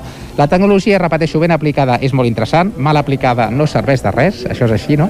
però el que pretén aquesta, aquesta fira, aquesta Mobile Week Rupit, és compartir aquest coneixement de qualitat a tothom, online i presencialment, i no només per Rupit, sinó per tota la comarca. Una tecnologia, però, que ha de trobar l'equilibri i saber respectar l'entorn rural. Marc Vives. El 80% de la gent viu a les ciutats. Crec que és important aprofitar també les zones del camp. Primer per evitar la despoblació, després per oferir possibilitats a la gent de la ciutat que també doncs, potser ho està passant malament i que pot dinamitzar els entorns eh, rurals. I en aquest sentit ho fem per intentar millorar la qualitat de vida de les persones. Repeteixo, eh, només aquelles que respectin també doncs, el que és aquests costums, tradició i passió i natura que és el, el món rural. La setmana amb activitats fins diumenge combinarà tallers, taules rodones i conferències amb presentacions i actuacions en directe. El diputat d'Acció Climàtica de la Diputació de Barcelona, Xesco Gomar, va visitar l'Agència Local de l'Energia d'Osona ahir al matí. El van rebre Joan Carles Rodríguez i Margarida Feliu, president i vicepresidenta respectivament del Consell Comarcal d'Osona i representants de l'Agència Local d'Energia. Després d'una distesa reunió, Gomar va anunciar que la Diputació de Barcelona destinarà 140.000 euros a Osona, un ajut econòmic que ha de contribuir al desenvolupament dels objectius de l'agència. Joan Carles Rodríguez va explicar que s'està treballant en projectes de futur, com ara la instal·lació de plaques fotovoltaiques en edificis municipals. Per la seva banda, Gomar va parlar del paper d'Osona, una comarca pionera, va dir, en la promoció d'energies renovables. Sentim per aquest ordre a Ricard Gomar i a Joan Carles Rodríguez pensa en global i actua en local. És un dels lemes que tenim a la Diputació de Barcelona. A la nostra, a la nostra administració, eh, el poble més petit d'aquesta província, d'aquesta comarca, és tan important com la ciutat de Barcelona. No hi ha una distinció. Ens al contrari, al final acabem eh, disposant i, i invertint moltíssim amb els municipis petits perquè els seus recursos són els que són. Tindrem la màquina a punt perquè més ajuntaments puguin instal·lar plaques solars en els seus equipaments i per tant i també equips d'autoconsum de, de manera que els equipaments municipals a Osona puguin alimentar-se d'energia de, solar i això eh, ja ho tenim però en els propers anys esperem que hi hagi moltes més instal·lacions d'aquest tipus que tinguin els nostres ajuntaments. Durant la seva visita a Vic, el diputat d'Acció Climàtica de la Diputació de Barcelona també va destacar la importància de comptar amb el compromís dels municipis petits. Els petards són un dels grans protagonistes de la rebella de Sant Joan i des de Cardedeu han anat a parlar amb cicles Ruaix, que enguany celebren els seus 65 anys i 45 de botiga de petards. Ho han fet per conèixer de prop com els han anat les vendes. David Auladell, de Ràdio Televisió, Cardedeu. La gent té ganes de festa després de mesos amb restriccions i confinats a casa i això es nota amb la venda de petards de cara a la nit de Sant Joan. La celebració de la rebella serà la primera després de l'estat d'alarma. Les bombetes i les bengales segueixen sent el producte estrella i cada vegada la gent es decanta més pel color i menys soroll. Jordi Ruaix. És diferent, la gent té moltes ganes de cremar, uh, no saben encara ben bé què fer perquè tot sempre és, depèn del dia a dia, però hi ha moltes ganes aquest any. Les bombetes segueixen el clam especial per, per la canalla. És el que més, més està agradant estem amb, amb tirant a, a fons de colors els trons aquest any ha anat molt a la baixa estem mirant, cada vegada hi ha més color i menys soroll. Aquest any ha estat difícil fer una previsió de les vendes, ja que les restriccions canvien cada 15 dies depenent de com evoluciona la pandèmia. Jordi Ruaix. La previsió ha sigut molt estranya, perquè també va haver el tancament del canal de la Manxa, i bueno, ha sigut molt rara aquest any eh, estem estan de, de fet ho estem fent molt sobre la marxa aquest any no hem pogut fer previsió perquè tot s'ha des, desmadrat. Tot i això, els comerços de venda de petards ja han ampliat els horaris i esperen poder recuperar econòmicament les pèrdues de l'any passat. Voluntaris forestals i l'ADF al Pinyo han celebrat la trobada anual al Mas Paré a Sant Feliu de Codines per compartir coneixements i preparar la campanya d'estiu. Caral Campàs, des d'Ona Codinenca. Els membres de l'ADF al Pinyó i els voluntaris forestals de Sant Feliu de Codines han celebrat aquest diumenge la trobada anual al Mas Paré, una jornada festiva que ha servit per provar les mangueres i els equips dels vehicles d'aquests cossos, però també per posar-se al dia de les inversions que s'han fet durant els mesos d'hivern, com les tasques d'arranjament, de basses i camins, per tenir-ho tot a punt per les actuacions d'estiu. Joan Vila, cap de l'ADF al Pinyó, diu que la temporada es presenta correcta pel que fa al nombre de voluntaris i mitjans, però molt complicada pel que fa al risc d'incendis. I més complicada pel tema dels incendis perquè estem a tres dies de, de Sant Joan i està tot molt sec. A diferència de molts llocs de Catalunya que ha plogut aquí no ha plogut gens i Focs grossos dependrà de les condicions meteorològiques i com vingui l'estiu, però pocs petits en podem tenir molts perquè està tot molt sec i no ha plogut. Les ADF i els voluntaris forestals insisteixen en la necessitat de ser prudents a l'hora de llançar petards, ja que les condicions atmosfèriques de les últimes setmanes són adverses. A la trobada hi han assistit els joves que fa tot just una setmana van llançar un petard al camí de l'era nova de Sant Feliu, que va provocar un incendi que va cremar dues hectàrees d'una zona de matolls i alguns arbres fruiters. En Lluc i l'Adam tenen 16 anys i van assistir a l'acte convidats des de la pròpia ADF. Van explicar a Ona Codinenca que han après la lliçó. De tot, bueno, que, que, no, que, no, que, no, que no tornarem a fer això, que, que ens vam quedar això per, per, per apagar-ho, eh, que en, en un eh, entorn eh, de molta calor no s'ha de fer coses d'aquestes, eh, que normalment sé gaire conscients d'això, i, i ja està. I aquí que ens donin una masterclass i això i, i ja per la pròxima vegada ajudar als altres que toqui i ja està, ja estem aquí. Sí, doncs que en els llocs secs, que diguéssim on hi ha, on hi ha tot d'herba seca, doncs que allà no, si no és bastant lluny no es pot tirar petardos allà perquè a la mínima espurna ja, ja ve aquest ensurt i llavors si ve vent doncs es va escampant, com ens va passar a nosaltres, que ho vam intentar pagar i no. L'ADF al Pinyó aplega voluntaris dels pobles de Sant Feliu de Codines, Vigues i Riells, Gallifa i Sant Llorenç Savall. Caldes de Montbui està adherit a l'ADF l'Alzina, mentre que els municipis del Moianès formen part de l'ADF als Cingles i Carcús. Un jardiner del MAP considera estrany que el llamp que va impactar contra una sequoia gegantina a Sant Joan de les Abadesses no ho fes contra el parallamps que hi ha a la vora. Isaac Muntades, des de la veu de Sant Joan. El llamp que va partir per la meitat una sequoia de grans dimensions aquest diumenge al jardí particular de la Torre Franc de Sant Joan de les Abadeses ha estat el tema de conversa de molts santjoanins aquests dies. El responsable de la secció de jardineria i treballs forestals de la Fundació MAP, Agustí Fajula, va explicar que aquesta sequoia era tan gran que havia arribat a cobrir part de la plaça Pompeu Fabra i dominava els arbres de sota, que havien crescut menys perquè tenien menys accés a la llum. Això sí, Fajula va afirmar que la sequoia no era centenària i que es devia plantar entre els anys 30 i 40 del segle passat, però com que són uns arbres amb un creixement bestial, de seguida agafen alçada i semblen més vells del que són. El poble no és l'única sequoia que hi ha, ja que també se'n van plantar a les Torres de la Plana, n'hi ha un parell d'exemplars als Jardins de la Puda i una a la colònia Espona que ha quedat un pèl afectat per unes obres que s'hi van fer a la vora. El jardiner també va explicar què li passarà a l'arbre a partir d'ara. Si no s'hi fes res, l'arbre continuaria visquent, el que passa que, és clar, ha perdut l'eix apical, això és una conífera, treballa amb un sol eix, o sigui, té un sol tronc i a partir d'aquest va fent branques laterals. L'eix aquest ha quedat trencat del tot, vull dir, ha quedat esqueixat ben bé pel mig i, bueno, no sé, això ho ha de decidir la propietat, vull dir, l'amo de l'arbre és el que ha de decidir què vol fer-ne amb ell. Té l'opció de tallar l'arran per sota o deixar-lo tal com està i que vagi brotant encapçada. El, el que segur que no farà és recuperar la forma que tenia abans de, de l'impacte del llamp. A Fajula també va sorprendre que l'impacte del llamp fos contra la sequoia. Jo em va sorprendre moltíssim que aquell llamp impactés contra la sequoia, perquè precisament aquí al costat mateix hi ha el parallamps de, del consultori. Llavors no, no entenc per què el llamp no va, no va espategar contra un artefacte expressament dissenyat per recollir llamps. Per exemple, aquí a Sant Joan normalment jo el llamp més proper que he tingut és el que va caure al campanar d'aquí de, del monestir de Sant Joan, no fa pas gaires anys. Tots els municipis disposen de parallamps, per tant, difícilment un llamp va, va espategar amb un arbre, però bueno, això a vegades és, és com la loteria, no? No toca mai a ningú, però de tant en tant amb, amb algú li toca. El jardiner té por que ara hi hagi gent que defensi que s'han de tallar tots els arbres alts o esporgar-los perquè suposen un risc. El llamp va generar certa alarma a la població. Una persona va pensar-se que era una bomba i va tirar cap a la carretera de Camprodon espantat. Per qui va suposar un ensurt va ser pels cadets de l'equip de futbol de la Fundació Esportiva Camprodon Vall del Ter, que estaven disputant un partit i el joc estava a la porteria que hi havia pocs metres d'on va impactar el llamp. L'entrenador Júnior Alcubet n'explicava l'experiència personal.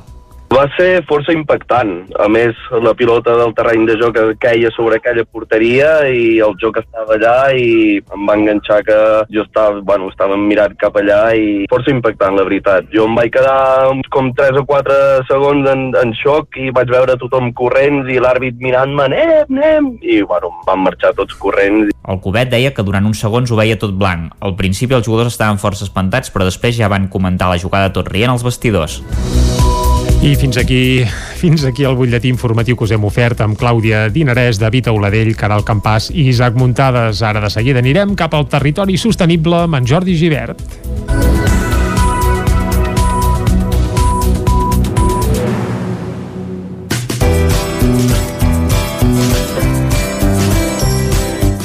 Doncs quan falten 3 minutets per un quart d'onze del matí, anem això, cap al territori sostenible, amb el nostre company Jordi Givert des d'Ona Codinenca. Avui al Territori Sostenible volem eh, parlar d'un projecte engegat aquí a Sant Feliu de Codines eh, amb participació ciutadana. És un projecte que ha engegat el Centre Excursionista d'aquí Sant Feliu i, i per això tenim amb nosaltres a la Laia Guàrdia, la presidenta del Centre Excursionista, que ens expliqui exactament en què consisteix aquesta iniciativa, que, a més a més, eh, està feta eh, en altres pobles, en altres ciutats, a nivell internacional, eh, també eh, es replica en altres llocs. i s'hi han sumat des del Centre Excursionista de Sant Feliu. Hola, Laia, bon dia. Hola, bon dia, bon dia. Uh, Laia, uh, heu fet un projecte de participació ciutadana, diguem-ne, de, relacionat amb la biodiversitat. Uh, a partir d'un portal, que és internacional, com dèiem, que és el iNaturalist, que uh, és com una mena de, de portal web on pots anar penjant tota la flora i la fauna que, que, es, que ens apareix en el nostre entorn, en aquest cas aquí a Sant Feliu de Codines. Uh, uh -huh. No sé si ho he explicat bé, uh, ens pots explicar potser una mica millor uh, què és això de l'any naturalist i com heu arribat vosaltres a, a conèixer-ho i engegar aquest, aquesta iniciativa? Sí, i tant. Bé, l'Ai Naturalist és, seria una de les moltes plataformes que, que hi ha ara, que s'estan creant, que són per, um, una mica per, per incentivar la participació ciutadana en temes de ciència, no? el que ara està molt de moda, que és la ciència ciutadana. Uh -huh. Llavors, de portals d'aquests, doncs, si un s'ha entrat a buscar, doncs n'hi ha bastants, no? Vull dir, hi ha, hi ha diversos, però de tots aquests n'hi ha un que potser destaca no? una mica més, que és aquest AI Naturalí, justament, que és el que hem triat nosaltres per fer aquest projecte. I bé, es tracta d'això que has dit, no? Ben bé, és, és, un, és un portal on la gent pot participar, on tu pots fer aportacions d'observacions que has fet de flora, de fauna, de microorganismes, de, de fongs, del que sigui. Llavors, eh, bé, portes una imatge, portes una, una localitat i una data, i a partir d'allà, doncs, eh, tu pots anar, diguéssim, una miqueta doncs, doncs, uh, interaccionant amb les aportacions, amb les teves pots aportar més o menys informació, però també pots interaccionar amb les informacions i aportacions dels altres, no? Mhm. -huh. Clar, per exemple, perquè la gent se'n faci una mica una idea, si tu penges una, una fotografia d'una papallona, d'un ocell, uh -huh. pots veure també a, a quins altres llocs del món no? uh, hi ha aquesta mateixa espècie uh, només allà entrant amb un clic després de, de pujar la, la teva fotografia perquè els al, altra gent també està fent el mateix que tu no? i està penjant llavors suposo que això uh, ho pot agafar gent més especialitzada per fer uns estudis de, de flora i de fauna uh, més acurats, diguem-ne. Sí, sí, aquesta, aquesta és la gràcia, vull dir, la gràcia d'aquestes uh, plataformes de participació ciutadana és justament que, clar, si tu estàs treballant en un projecte no a nivell científic, difícilment tu pots anar a tot arreu i pots accedir a, a, a moltes localitats diverses, no? Però, en canvi, és una manera de, de que tu estàs usant doncs, els recursos d'altres persones, diguéssim, els ulls i les cames d'altres persones que surten per la natura, fan observacions, i aquestes observacions, doncs, les van aportant en aquestes plataformes. Uh -huh. I llavors aquí, evidentment, s'obté bueno, la quantitat d'informació que hi ha és brutal. I aquesta, plata, aquesta plataforma, en concret, la Naturalist, jo crec que és molt bona justament per això. Ja no només per l'observador, no? doncs que és com a molt lúdica i és molt fàcil, sinó per després, diguéssim, de cara al científic que en fa ús, perquè hi ha una quantitat d'informació, vull dir, a més a més, és, és, la informació és molt rigorosa, no? Uh -huh. I, I les eines que té d'anàlisi de la informació i extreure, doncs, extreure resultats, extreure... Bueno, és, és fantàstica. I aquí que soc biòloga, vull dir, només entrar allà i començar a mirar les coses i, ostres, el meu grup que m'interessa, pots treure molta, molta informació. Clar. Llavors, realment, mentre tu, et, et, diguéssim, que t'aprens i a més a més et diverteixes aportant informació, doncs a més a més a darrere hi ha algú que l'està aprofitant doncs, per un projecte, pel que sigui, no? Clar, I d'aquí, bueno, la gràcia de fer-ho a nivell de Sant Feliu, no? Dèiem, hosti, volem saber a Sant Feliu de Codines quantes espècies tenim, quina diversitat hi ha, si tenim espècies doncs, que són, tenen, no sé, alguna, algun intrent especial, no? Doncs vinga, anem a fer-ho clar, generes una base de, de dades a nivell mundial que, que sí, grups sí. petits o, eh, o a nivell científic és molt complexa de fer i en, sobre això que, que deies de, de les espècies que, que aneu penjant i trobant, n'hi ha alguna que us hagi sorprès que trobar-la aquí a Sant Feliu, per exemple?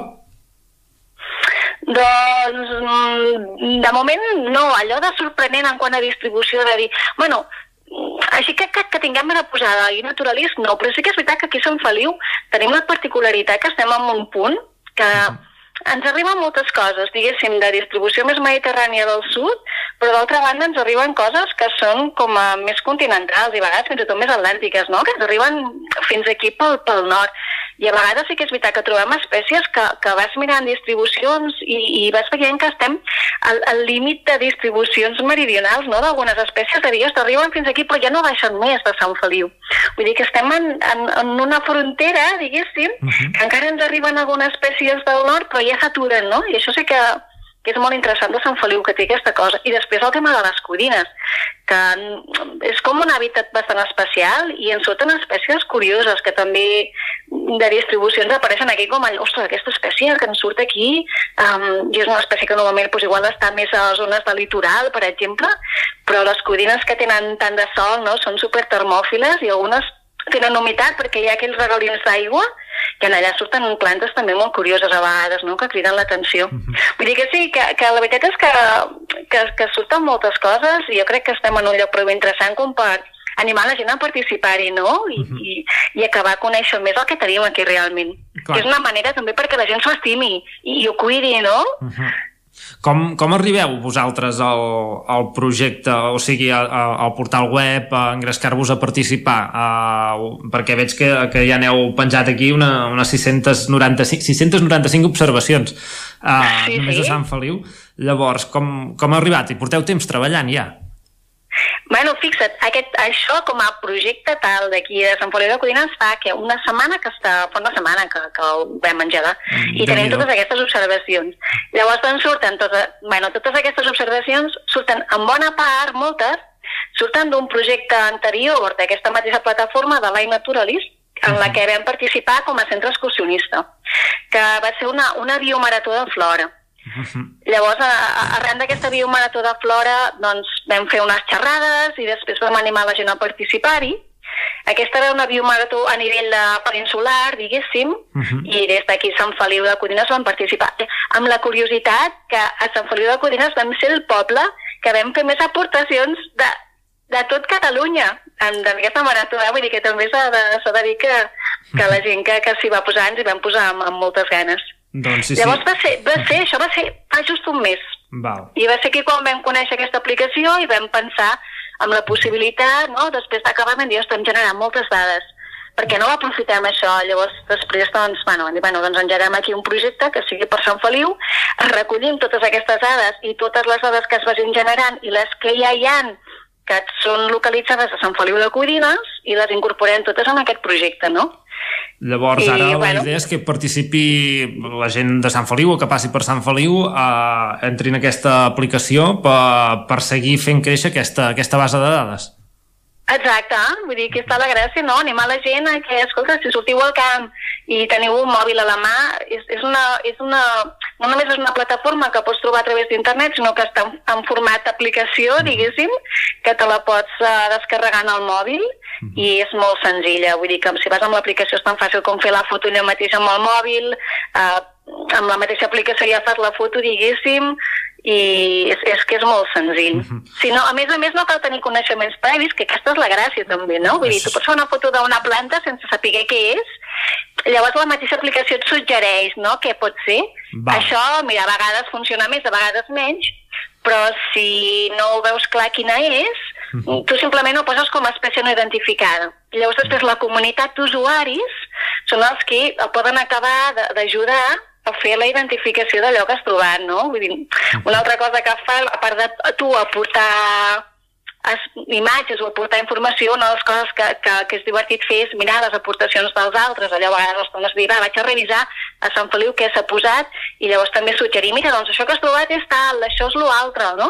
I és aquesta interacció que també fa que sigui, doncs, Clar. doncs divertit, no? Perquè aprens Uh -huh. És interessant no? que, que també si algú que no en sàpiga, per exemple jo mateix, que si et treus de les plantes de, de la ratafia mmm, poques en conec Uh, llavors uh, és interessant que puguis aprendre a partir de l'aplicació fent les fotografies que, que et dongui informació directament de, de què és el que estàs veient o del que és el que has trobat Sí, sí, això està molt bé perquè a més a més, que a vegades, no sé, no? normalment la gent, és això que dius, no? que un igual sap més d'una cosa, un altre igual sap més d'una altra cosa, no? I clar, normalment en, en aquestes plataformes i també a part de la gent usuària així diguéssim més, més casuals o els usuaris més no sé, que ho fan per una cosa més lúdica, després hi ha els que realment en saben de diversos grups, no? I clar, tu tens el biòleg que és especialista en tal grup, el biòleg que és especialista en tal altre grup, no?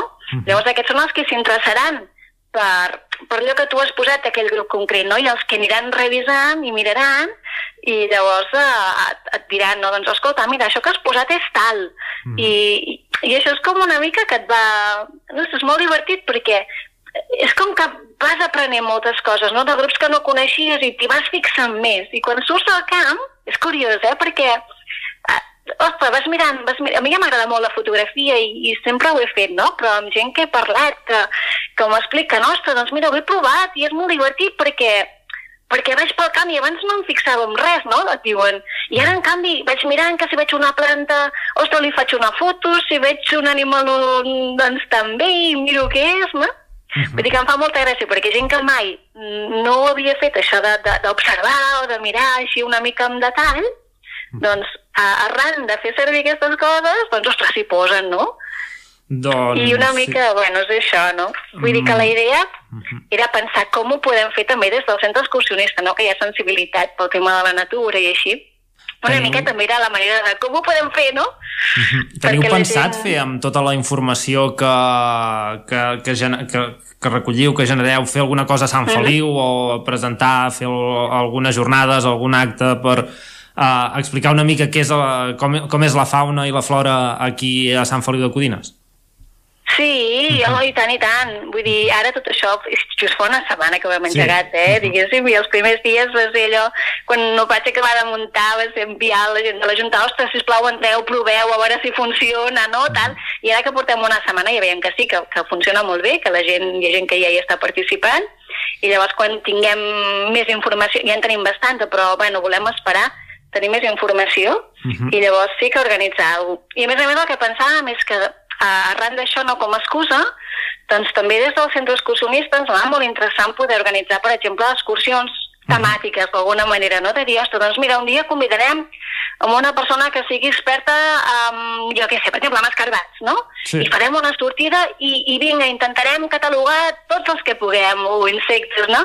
Un altre dia una sortida d'amfibis, per exemple. Uh -huh. O sigui, que serveix una mica com d'excusa o de fil conductor per, a, per, per al voltant d'això doncs, poder fer moltes activitats, perquè realment és com, és, això no és com una excusa uh mhm. -huh. per, per fer, fins i tot amb l'institut, no? també ho vam comentar, amb l'institut podien fer també alguna cosa, vull dir, s'han interessat també des de l'institut, de, de, ostres, doncs és una eina interessant, no? Uh mhm. -huh. Vull dir que a nivell d'escoles, de, d'institut, és una eina que poden aprofitar molt bé, fer una sortida, i avui farem una sortida i mira, aprofitarem i participarem en aquest projecte, no? I engrescar els nanos a, a aportar i a aprendre i a participar-hi. Doncs, Laia, moltes gràcies per, per explicar-nos aquesta iniciativa que veig que, que serà per llarg i que ja esteu preparant sí. uh, més activitats.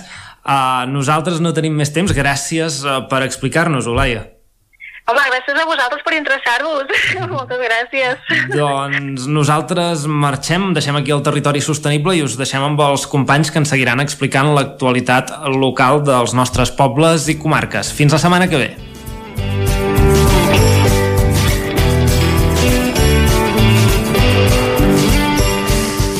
Doncs moltes gràcies, Jordi Givert, per aquest darrer territori sostenible de la temporada. Nosaltres ara ens, acost ens acostem ja a l'equador del programa, del Territori 17. Falten 3 minuts i mig per dos quarts d'onze. El que vindrà ara és una breu pausa i tornarem de seguida amb un recull a les piulades, un cop d'ull a les portades del 99.cat i després anirem cap al Coll d'Ares per conèixer l'última hora de la flama del Canigó que ja s'atansa per tal d'encendre totes les fogueres d'arreu dels països catalans en aquest aquesta nit màgica de Sant Joan. Fins ara mateix.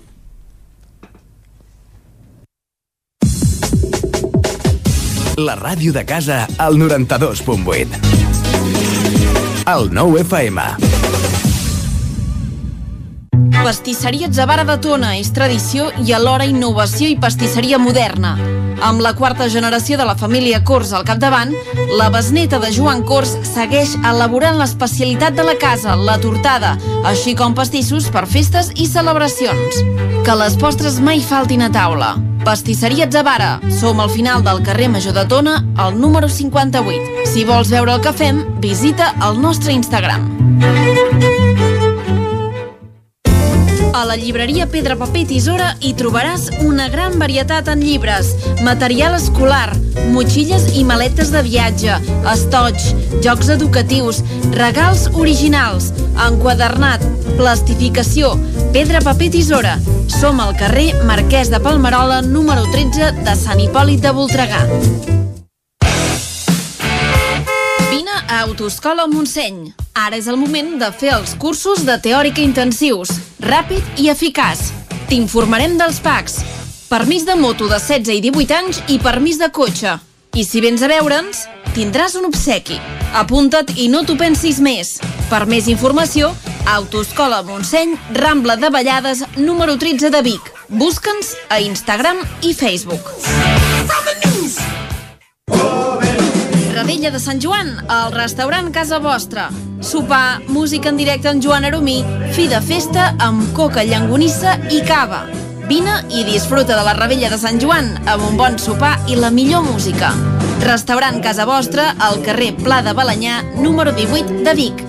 Fes la teva reserva al 639 355 320. Al racó del León i celebra la Rebella de Sant Joan. Menú especial, coca de Sant Joan i llangonissa per tothom.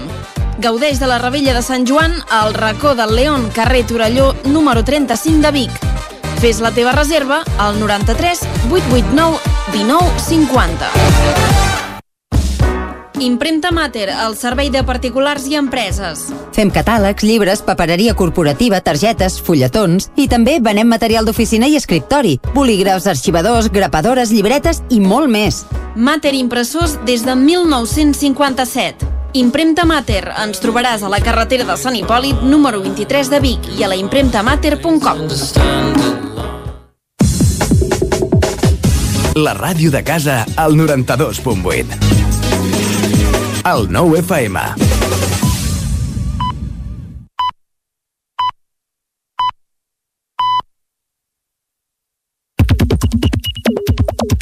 Dos quarts d'onze en punt del matí. Ara sí, en aquest moment el que toca és fer un repàs al que es cou per Twitter. Ho farem, com sempre, aquest repàs de la mà de la Clàudia Dinarès. Aquí saludem de nou. Bon dia, Clàudia. Molt bon dia de nou.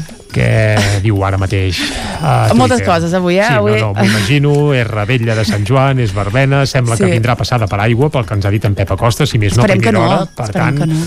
si no, no, esperar-ho esperarem, però clar, eh, nosaltres sempre ens refiem de les prediccions d'en Pep, sempre. eh? Però bé, també ens ha dit que a partir de les 9 tocades la cosa ja anirà fent net i com serà que no puguem tirar algun petard amb mesura i precaució uh, sense aigua.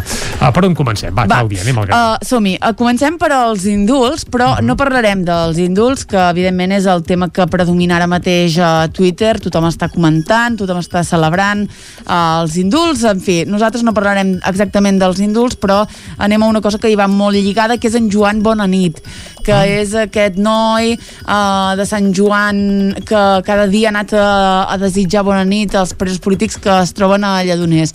Doncs en Jaume Torres uh, li ha donat una mica la volta al tema i ha dit Joan, bona nit, avui amb aquella sensació dels 16 anys al poble un 31 d'agost. Clar, avui és, uh, ha sigut l'última vegada que li deia bona nit, doncs ella ha volgut fer una mica aquesta brometa. I en Pep Coll li contesta i li diu que bo, com recordo aquesta sensació, la del poble, eh? En Bé, bé. fi. Molt bé. Se li ha acabat la feina, Sí, afortunadament, amb en Joan Bonanit. Ho celebrem. I tant. Uh, avui és la rebella de Sant Joan i l'Ajuntament de Prats de Lluçanès ha fet una piulada amb els ciclistes de Lluçanès, ha dit ja estan de ruta per anar a buscar la flama del Canigó al Coll d'Ares. Aquest vespre la flama arribarà a Prats i es donarà el tret de sortida a les festes de Sant Joan i els Elois, festa grossa a Prats de Lluçanès. I tant. I veiem, doncs, un equip de ciclistes eh, anant cap al Coll d'Ares. Va, doncs li preguntarem a en Jordi Vilarrodà, que està a dalt del Coll Exacte. d'Ares ara mateix i de seguida ja el tenim gairebé a punt, aviam si ha vist arribar ciclistes. Uh, ciclistes de Prats, si De Prats, trobeu de a en Jordi Vilarrodà, uh, el saludeu. I uh, l'Irene Massana diu avui que és la rebella de Sant Joan, encengueu fogueres i cremeu-hi el mal humor i l'agró per ser més feliços i de retruc alegrar els de la vora. Bon dia tingueu. Doncs molt bé, l'Irene Bon ens desitja un, un bon Sant Joan. Uh, què més? Moltes coses més, eh? Tinc, a veure, uh, Marc Comas ha fet una piulada Premi Zapping a per què volen els avions per ser altaveu de la integració i la diversitat cultural, un format on destaca la qualitat, diu, els continguts plurals i el to vitalista. A la imatge hi veiem el presentador de Per què volen els avions, l'Eloi Collell, uh -huh. de Vic, amb el Premi Zapping. Doncs per molts anys per aquest premi, perquè la veritat és que és molt merescut, el programa valia i val molt la pena, tant de bo el veiguem mm. ben aviat de nou a les pantalles. Exactament. Uh, torno un moment a Sant Joan uh, perquè l'Eva Piqué diu veig que no sóc l'única que està uh, una mica xof pensant que a partir de demà el dia s'escurça. Uh, és veritat, el dia, a partir de demà el dia s'escurça. Bé, des d'ahir ja s'està escurçant Exacte. perquè el solstici, sí, sí, va ser el dia 21, però vaja, Exacte. I diu, oi, Agnès Marquès? Uh, I l'Agnès Marquès diu, ai, Eva, com ens entenem? que bonic. Complicitat. Però bé, cal dir que s'escurça tant a poc a poc que fins d'aquí 10 dies crec que pràcticament No ni es es notarà. notarà. Molt bé. Uh, un altre periodista Seguim. de la comarca, en aquest cas Laura Serra, diu em va fer il·lusió saber que en Moja Mazian, un dels actors, és de Vic, sobretot perquè és una història de marroquins com ho són tants veïns d'Osona i que encara en són uns desconeguts. Ens falta escoltar-los molt més. És una piulada de la Laura eh, en referència amb una altra piulada de l'Ara Cultura en què eh, parlen d'una obra de teatre que estrenarà properament a eh, Moja Mazian, al Grec Festival, i que doncs, explica la vivència de persones immigrants. Molt bé, acabem amb una Gran piulada actor, de... el Moja, i tant que sí. Acabem amb una piulada de Joan Coma Roure, que diu, quan sortia de festa, a vegades m'havia trobat a exalumnes de la meva mare. Tots en tenien un gran record. Aquella sensació d'aportació a la resta em va fer pensar que algun dia volia ser com ella, professor d'institut. Acabo el meu primer curs recordant-la com he fet cada dia. I en Guillermo Almansa eh, li gira una mica la truita i li diu pensava que acabaries dient que sortiries de festa. Sí, ho ha fet en passat, eh? Quan sortia. Exacte. Bé, és el que té la paternitat, que de vegades les rebelles de Sant Joan es celebren en família i allò de veure sortir el sol, doncs... Eh, Ha quedat bé, enrere. Sí, ha quedat una mica enrere. Clàudia, moltes gràcies per molt bé. aquest repàs a Twitter. Nosaltres ara, abans de saludar en Jordi Vilarrodà des de Coll d'Ares, fem ràpidament un cop d'ull al que diuen les portades del 99.cat i comencem per l'edició d'Osona i el Ripollès, que ara mateix obre amb la flama del Canigó, precisament, que diu recorre avui Osona, el Ripollès i el Moianès. Esperem que ho faci eh, eixuta, que no fos cas que, que, que l'aigua apagués la flama. També hi trobem que s'aixeca la limitació temporal de velocitat al túnel de Toses pels trens i ara ja hi poden circular a 100 km per hora.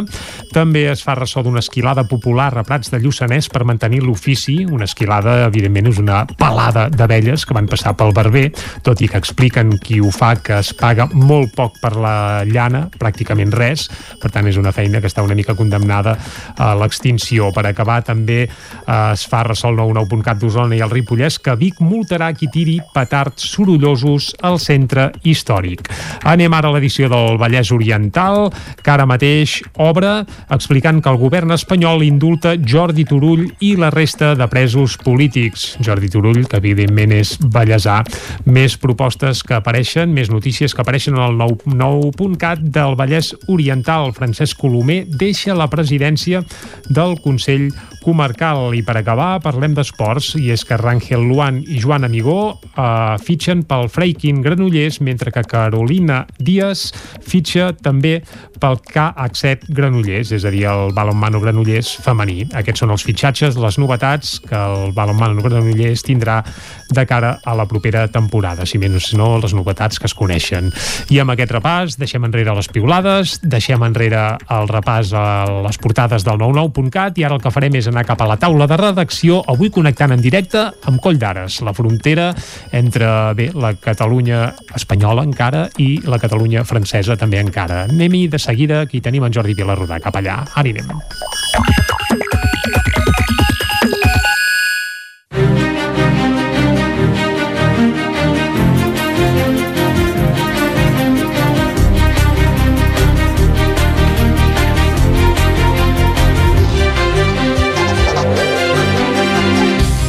Doncs això, quan són dos quarts i mig de 11 del matí, anem cap a Coll d'Ares, on hi tenim el nostre company Jordi Vilarrodà, eh, que a part de periodista també és president d'Òmnium Cultural al Ripollès. Jordi, molt bon dia. Hola, molt bon dia. El primer que t'hem de preguntar és per la meteorologia, eh? perquè ens hem llevat molt remullats, amb alguns ruixats, ara sembla que el dia es va eh, llevant, que es va aixecant, que apareix el sol fins i tot en algun racó, i no sé a Coll d'Ares ara mateix quin temps hi fa. Aquí ho hem tingut una mica la inversa, hem arribat doncs amb força bon temps segons les previsions que hi havia ens ha sorprès i tot, uh -huh. hem vist el sol una estona, ara s'està tapant, eh, de moment no plou, però ho tenim cada vegada una mica més ennubulat, però de moment estable. A quina hora hi has arribat, Jordi, per cert, aquí dalt a Coll d'Ares? Eh, tres quarts de sis del matí. Bufa, cada hora, cada hora.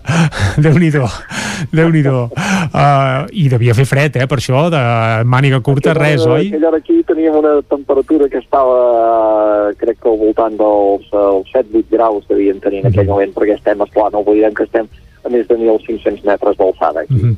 I el més important, la flama del Canigó, hi ha arribat a Coll d'Ares o encara no? La flama ha arribat, eh, ha arribat la flama puntualment, a dos quarts de set del matí arribaven els primers equips portadors de la flama que es va encendre ahir al migdia a la pica del Canigó, al cim de la pica del Canigó, amb una assistència més restringida que, que en anys anteriors, per causa de la Covid també, i després d'aquests equips portadors, doncs, entre els quals hi havia gent de la Flama del Canigó d'Igualada, gent del Casal del Conflent i també eh, agents de, del cos d'agents rurals, eh, han arribat aquí aproximadament doncs, a dos quarts de set del matí quan s'ha encès el PBT que ara crema aquí a l'hora d'on estic jo i on està venint a recollir la flama gent de moltes i diverses procedències de Catalunya. I d'arreu dels països catalans, no només del Principat, eh? Aquí de moment gent només del Principat, eh, sí, aquí, aquí sí que és gent del Principat, però hem tingut gent, doncs des de gent de Terres de Ponent, hem tingut gent del Baix Llobregat, del Baix Empordà, del Vallès, eh, fi, eh, I t'he- t'hem de preguntar, comarques perdona, Jordi, que- per aquí ja a buscar-la.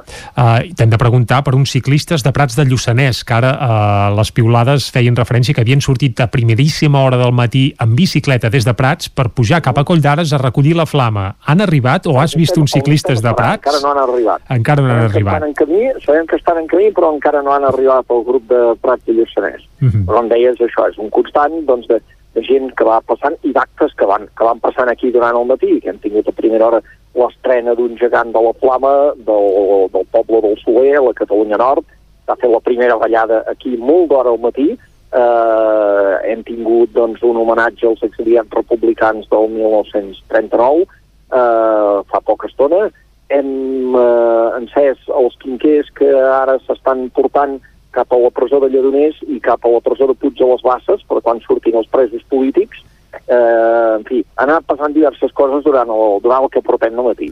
I què queda per passar encara? És a dir, quina és l'agenda que queda ara mateix aquí dalt a Coll d'Ares fins a arribar, suposo, a mitja tarda, que ja plegar veles perquè tothom va celebrar la rebella Doncs- cap a casa seva, eh?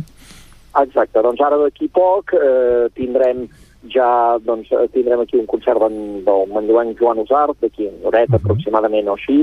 Mític Després, cantautor. No hi ha l'habitual dinar col·lectiu que es feia perquè la normativa Covid ho impedeix, però sí que a les 3 de la tarda aproximadament hi haurà una, una audició de sardanes de la Cobla Ciutat de Girona i després arriba la Flama, eh, un nou grup de la Flama, diguem-ne, en aquest cas de la Catalunya Nord, que la torna a portar eh, en aquest cas encapçalat per la Daniela Grau, eh, militant eh, cultural, activista de la Catalunya Nord, que aquest any ha estat la que ha fet el manifest nacional de la Flama del Canigó. Eh, es tornaran a encendre els quinquers, de, en aquest cas, sobretot, doncs, eh, tota la gent de Osona, Ripollès, Moianès, serà aquesta hora bàsicament els grups que, de foc que vindran aquí, es llegirà el manifest una altra vegada i acabarem doncs, la nostra presència aquí Coll d'Ares. Eh, Això si abans el temps no ens ha, no ens ha fet marxar. Esperem que no, esperem que no.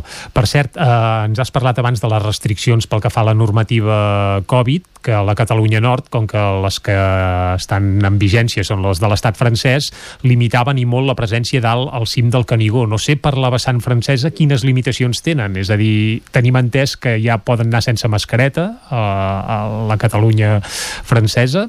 Eh, és així, oi, Jordi? s'han...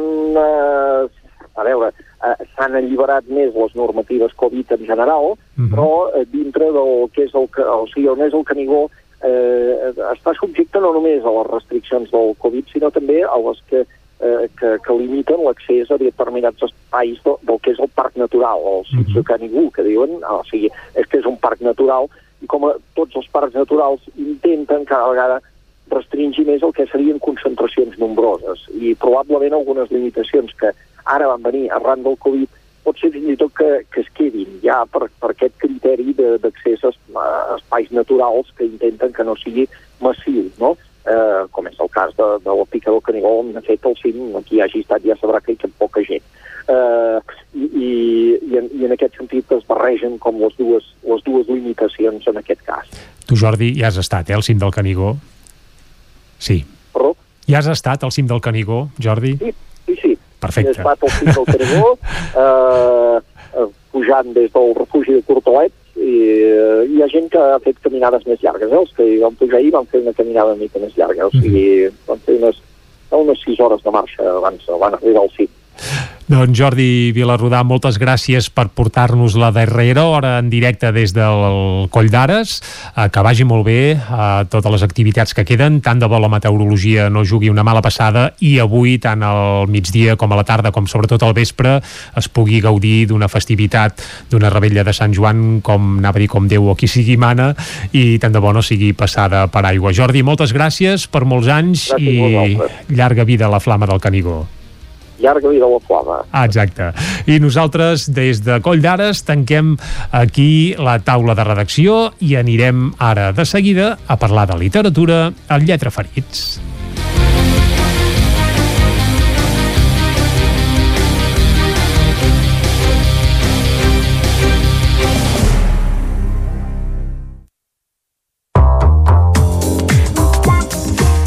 Doncs quan falta mig minutet per tres quarts, tres quarts d'onze del matí, ja ho direm bé, seguim en directe aquí a Territori 17 i ara ens toca parlar de literatura. Avui a Lletra Ferits, des de Ràdio Cardedeu, amb la Maria López, a qui ja saludem ara mateix. Molt bon dia, Maria. Bon dia i benvinguts a un nou Lletra Ferits, de fet l'últim Lletra Ferits d'aquesta temporada. Un Lletra Ferits que més enllà de parlar de llibres i d'històries fictícies, avui vol parlar de superació i volem fer-ho amb històries reals.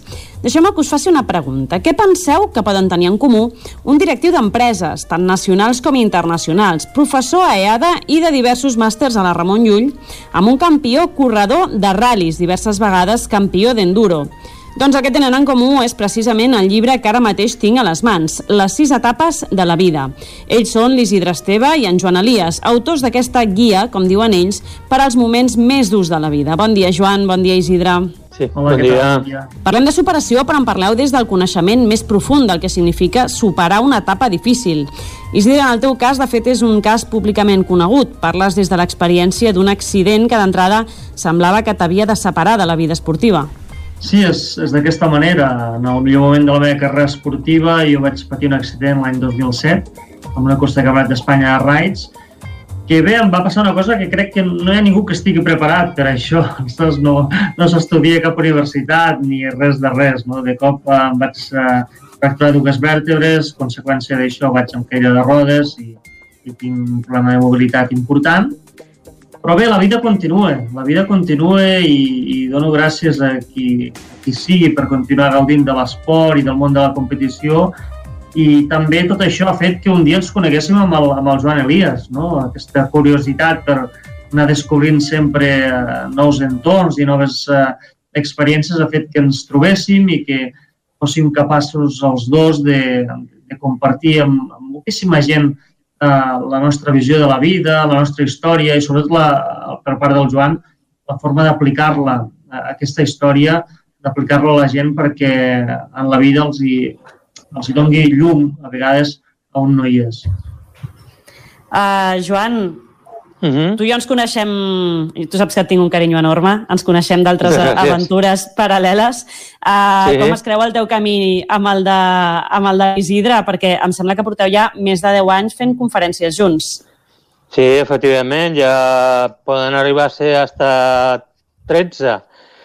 Eh, ens trobem perquè mm, eh, una empresa en la qual treballem per separat, ell perquè aquesta empresa és sponsor de les seves eh, aventures i, i, eh, i el Dakar i altres, i jo perquè faig conferències a empreses. I aleshores un dia eh, ens posen en contacte i ens diuen, escolteu, eh, amb ell, a l'Isidre, li diu, Isidre, volem que expliquis la, la, la, la que t'ha passat i què és el que has fet per superar tot això. I a mi em diuen, i tu trasllada-ho, tradueix-ho en el món de l'empresa. És a dir, eh, ja no per atletes o deportistes d'alta eh, qualitat, sinó per les empreses. Què, què, què podrien aprofitar de tota aquesta eh, adversitat eh, els directius, els empleats, etc etc. I així ho vam fer. Eh, a partir d'aquell moment, eh, la pròpia empresa aquesta, sota la seva fundació, la Fundació MGS, comença a preparar conferències, mm, ho provem i, escolta, 12 anys, gairebé 13, fent conferències per tota Espanya que es diu aviat, eh? 12-13 anys fent, fent conferències. I quin tàndem, quin tàndem més, més potent, que de fet acaben, aquestes conferències acaben fent que, que neixi aquest llibre, no? les sis etapes de la vida. Perquè passant de les conferències, com passem a, al format llibre? Isidre, explica'm una mica tu això, com, com neix la, la idea del llibre. Bé, jo primer haig de dir que ha estat una, una etapa meravellosa i que encara no s'ha acabat, que això és el millor, no? I que jo penso que al llarg d'aquests més de 10 anys hem après també els dos moltíssimes coses de, de, de donar-li voltes a aquesta experiència, no? I i bé, hi ha un dia que, que el Joan planteja eh, que aquesta conferència tingui un llibre, però tingui un llibre amb una finalitat. És dir, nosaltres acabàvem les, les conferències i ens semblava que, que a aquella conferència li feia falta alguna li feia falta una eina. No? És dir, el llibre és una eina. És dir, les persones que assistissin a les nostres conferències es tindrien que emportar la conferència a casa, però en un format que la poguessin eh, que, que la poguessin consultar no? i que poguessin dir, bé, el Joan i l'Isidre, allò que explicaven en aquell moment determinat de la conferència, on està? Val, I el llibre tu vas a buscar-ho, ho pots repassar, pots eh, treure la teva pròpia conclusió o pots aplicar-t'ho a la teva vida o al teu dia a dia. No? I penso que això ha estat fantàstic. Saps? No, no ha estat eh, treure un llibre com un llibre més, no.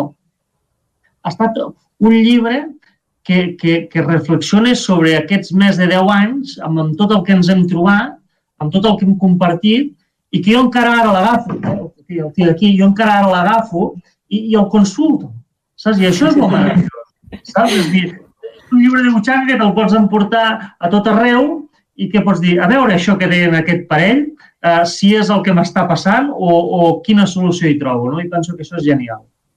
Perquè parleu de sis etapes concretes, per mi, que no he estat a una d'aquestes conferències, tot i que m'encantaria, eh, com, com en podríem resumir aquestes sis etapes, si és que es pot fer? Perquè potser us estic demanant sí. aquí una cosa...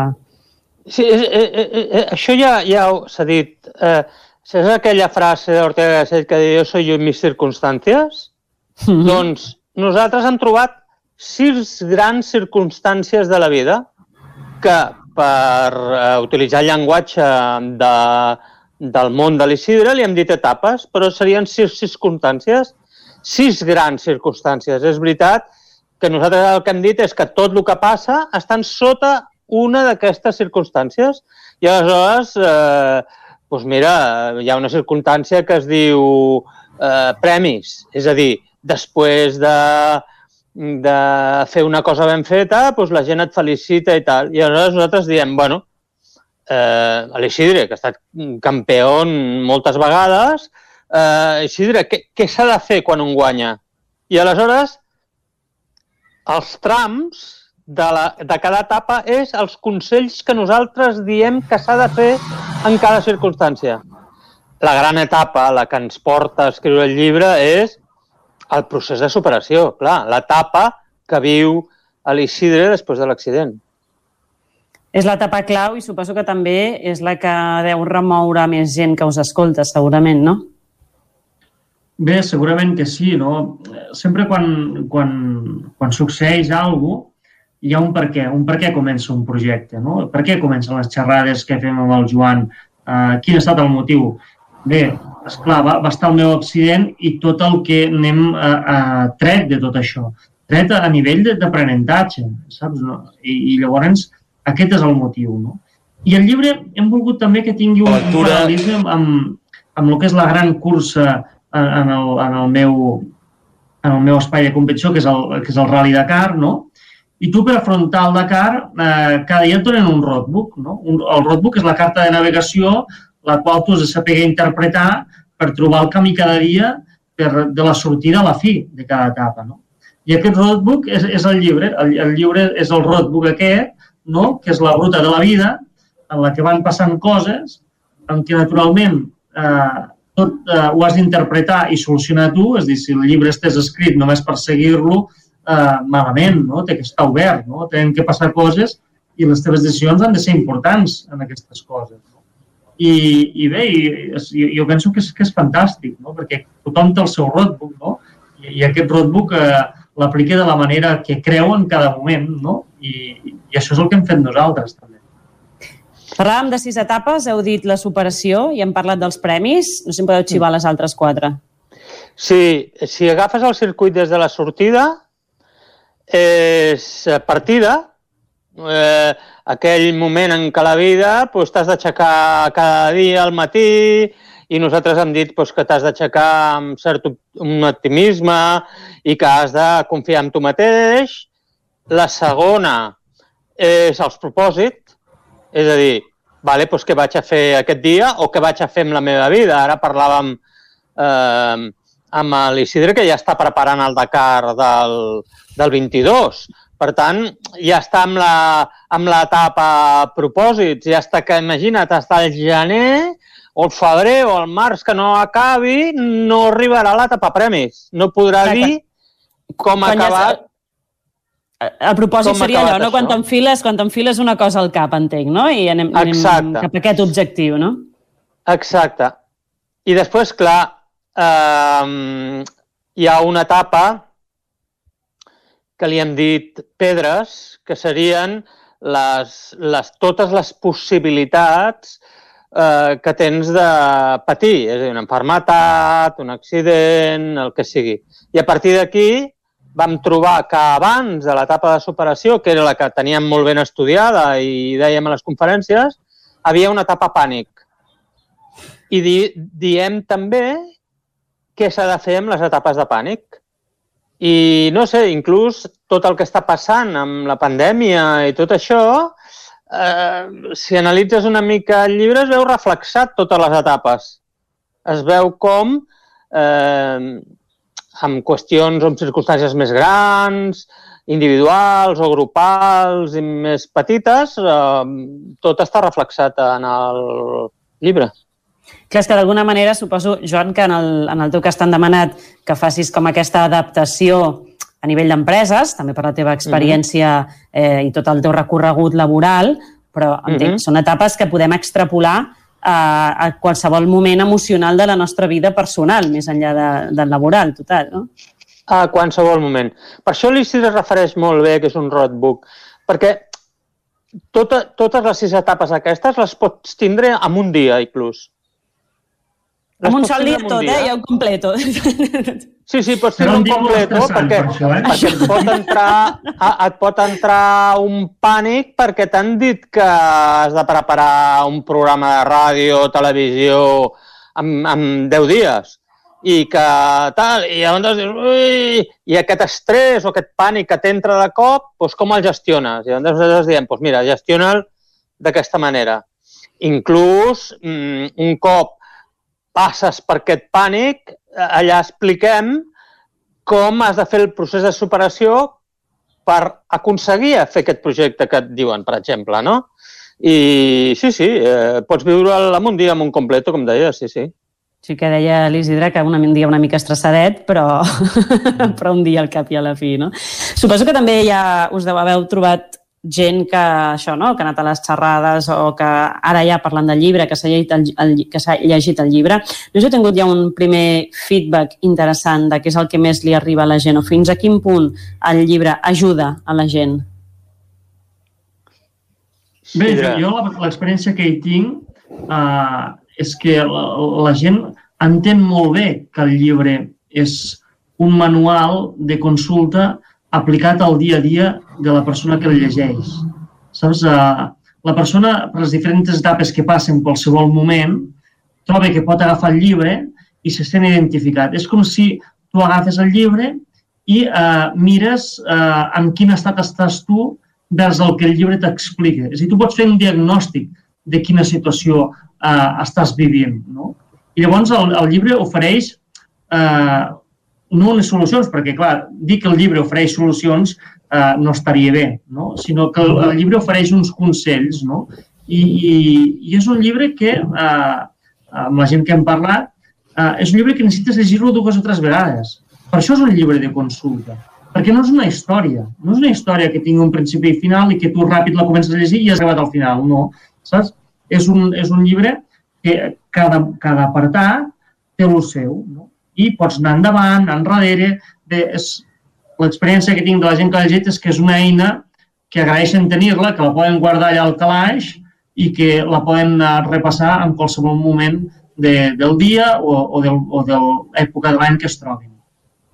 Fixa't que eh, amb aquest llibre també m'he intentat, eh, jo particularment, que ho hem parlat moltíssimes vegades, és que el món, a més, amb l'Isidre, un home que ha tingut una adversitat força important, com la teoria empresarial, a vegades eh, mm, de forma molt banal, parla de qüestions que totes tenen que veure amb el què eh? sigues feliç, eh, eh, eh, aquesta és, eh, últimament els filòsofs estan dient que la nova dictadura emocional és tot el que ens estan dient de que siguem feliços.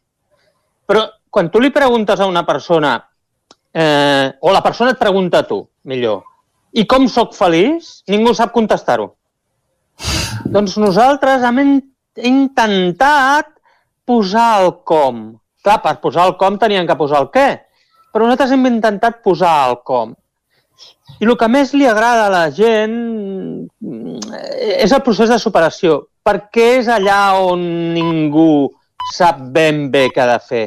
És a dir, eh, en el moment que una persona li entra pànic, es troben moltes persones al seu voltant que li diuen no passarà res, ja veuràs com tot serà mm, tal, i et foten frases d'aquelles que tu estàs fotut i penses, bueno, què m'has de dir, no? Mm -hmm. Posa't al meu lloc. I això, com hem parlat molt amb l'Isidre, perquè ell, ostres, mm, quina pràctica més impressionant a l'hora que més eh, fotuda que el que ha viscut ell. Pues aleshores ell s'ha trobat amb tot això i, i jo, que alguna vegada haurà estat difusor d'aquesta idea de la intel·ligència emocional, el coaching, el, el punt, eh, tot això, jo al final, parlant amb l'Isidre, m'he donat compte que tot això és una tonteria. Que lo real, lo real està amb el, amb el fet que ha viscut a l'Isidre que això havia que transmitir-ho eh, d'una altra manera. Per això diem que és una visió realista. Uh -huh. Sí, perquè com dius tu, Joan, eh, quan la gent et diu no passarà res, no, és clar que sí que passa. Saps què vull dir? No? I estàs fotut? És clar que n'estic. Però no, no estic fotut, però saps què? Ara agafo això, però no l'haig d'agafar i me'n sortiré. I començo a treballar. Saps? És dir, això ni passarà sol, ni no passa res, ni, ni pensem que no canviarà res. És clar que canviarà. Saps? És dir, el primer que has de fer és acceptar el que està passant. I a partir d'aquí, Ara. No? I, I és, el, i és el, que, i el, que, el que pretenem traslladar amb aquest llibre. Doncs escolteu, Joan Isidre, tàndem impressionant el que, el que feu tots dos junts, tant en, en les xerrades que ja porteu tants anys fent, com en aquest llibre, que per tot el que ens, ens heu explicat està clar que és més un llibre de capçalera, d'aquells que cal tenir a prop per consultar en el moment en el que toca, i potser no tant polir-se'l d'una vegada, sinó anar a buscar anar a buscar quan correspon. Moltíssimes gràcies a tots dos per, per estar avui amb nosaltres, per explicar-nos una miqueta més tot aquest rerefons i per tots aquests consells que, que ens guien cap a la, la superació. Isidre, en el teu cas, a més a més, moltíssima sort de cara a aquest Dakar que està aquí ja... Ara ja tens com en, en la fase... Ja estem, ja estem allà. Ja estàs ja a la fase preparant. enfilada. Ja esteu preparant.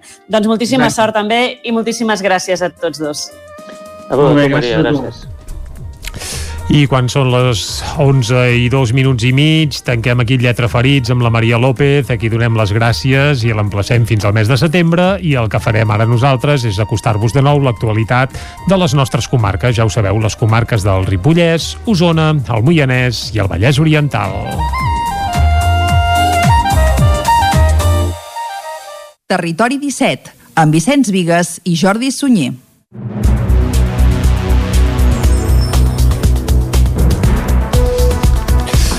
I comencem parlant dels indults, els indults atorgats als presos independentistes que no resolen, bé, que sí que resolen la seva situació personal, però no el conflicte de fons. En aquest punt hi conflueixen bona part dels principals actors polítics usuonencs que hem consultat. Pedro Sánchez va anunciar dilluns els indults en un acte al Liceu de Barcelona i ahir el Consell de Ministres els va aprovar. Des de l'independentisme, la decisió del govern de Pedro Sánchez es veu com un rentat de cara relacionat amb el posicionament del Consell d'Europa d'aquest mateix dilluns i tot i al marge de dos anys que Esquerra Junts i la CUP han donat a la taula de diàleg, aquesta opció genera escepticisme. Sentim en primer lloc a l'alcaldessa de Vic, Anna R, i a l'alcalde de Torelló, Marçal Ortuño. Per nosaltres això mm, és una bona notícia personal, però no és una bona notícia ni creiem que sigui de moment cap canvi de bones intencions. S'ha de dir que si fa aquest gesto i el fa eh, avui, a dia d'avui, també és degut al Consell d'Europa perquè senzillament ahir els hi van fer una gran rebregada positivament en la mesura que representa un alleujament de la situació doncs, de, dels nostres represaliats polítics, però tots sabem que evidentment aquesta no, no és la solució, que la solució eh, de, de la situació d'aquestes persones passa només per una amnistia i que la solució al conflicte passa només per a un referèndum d'autodeterminació.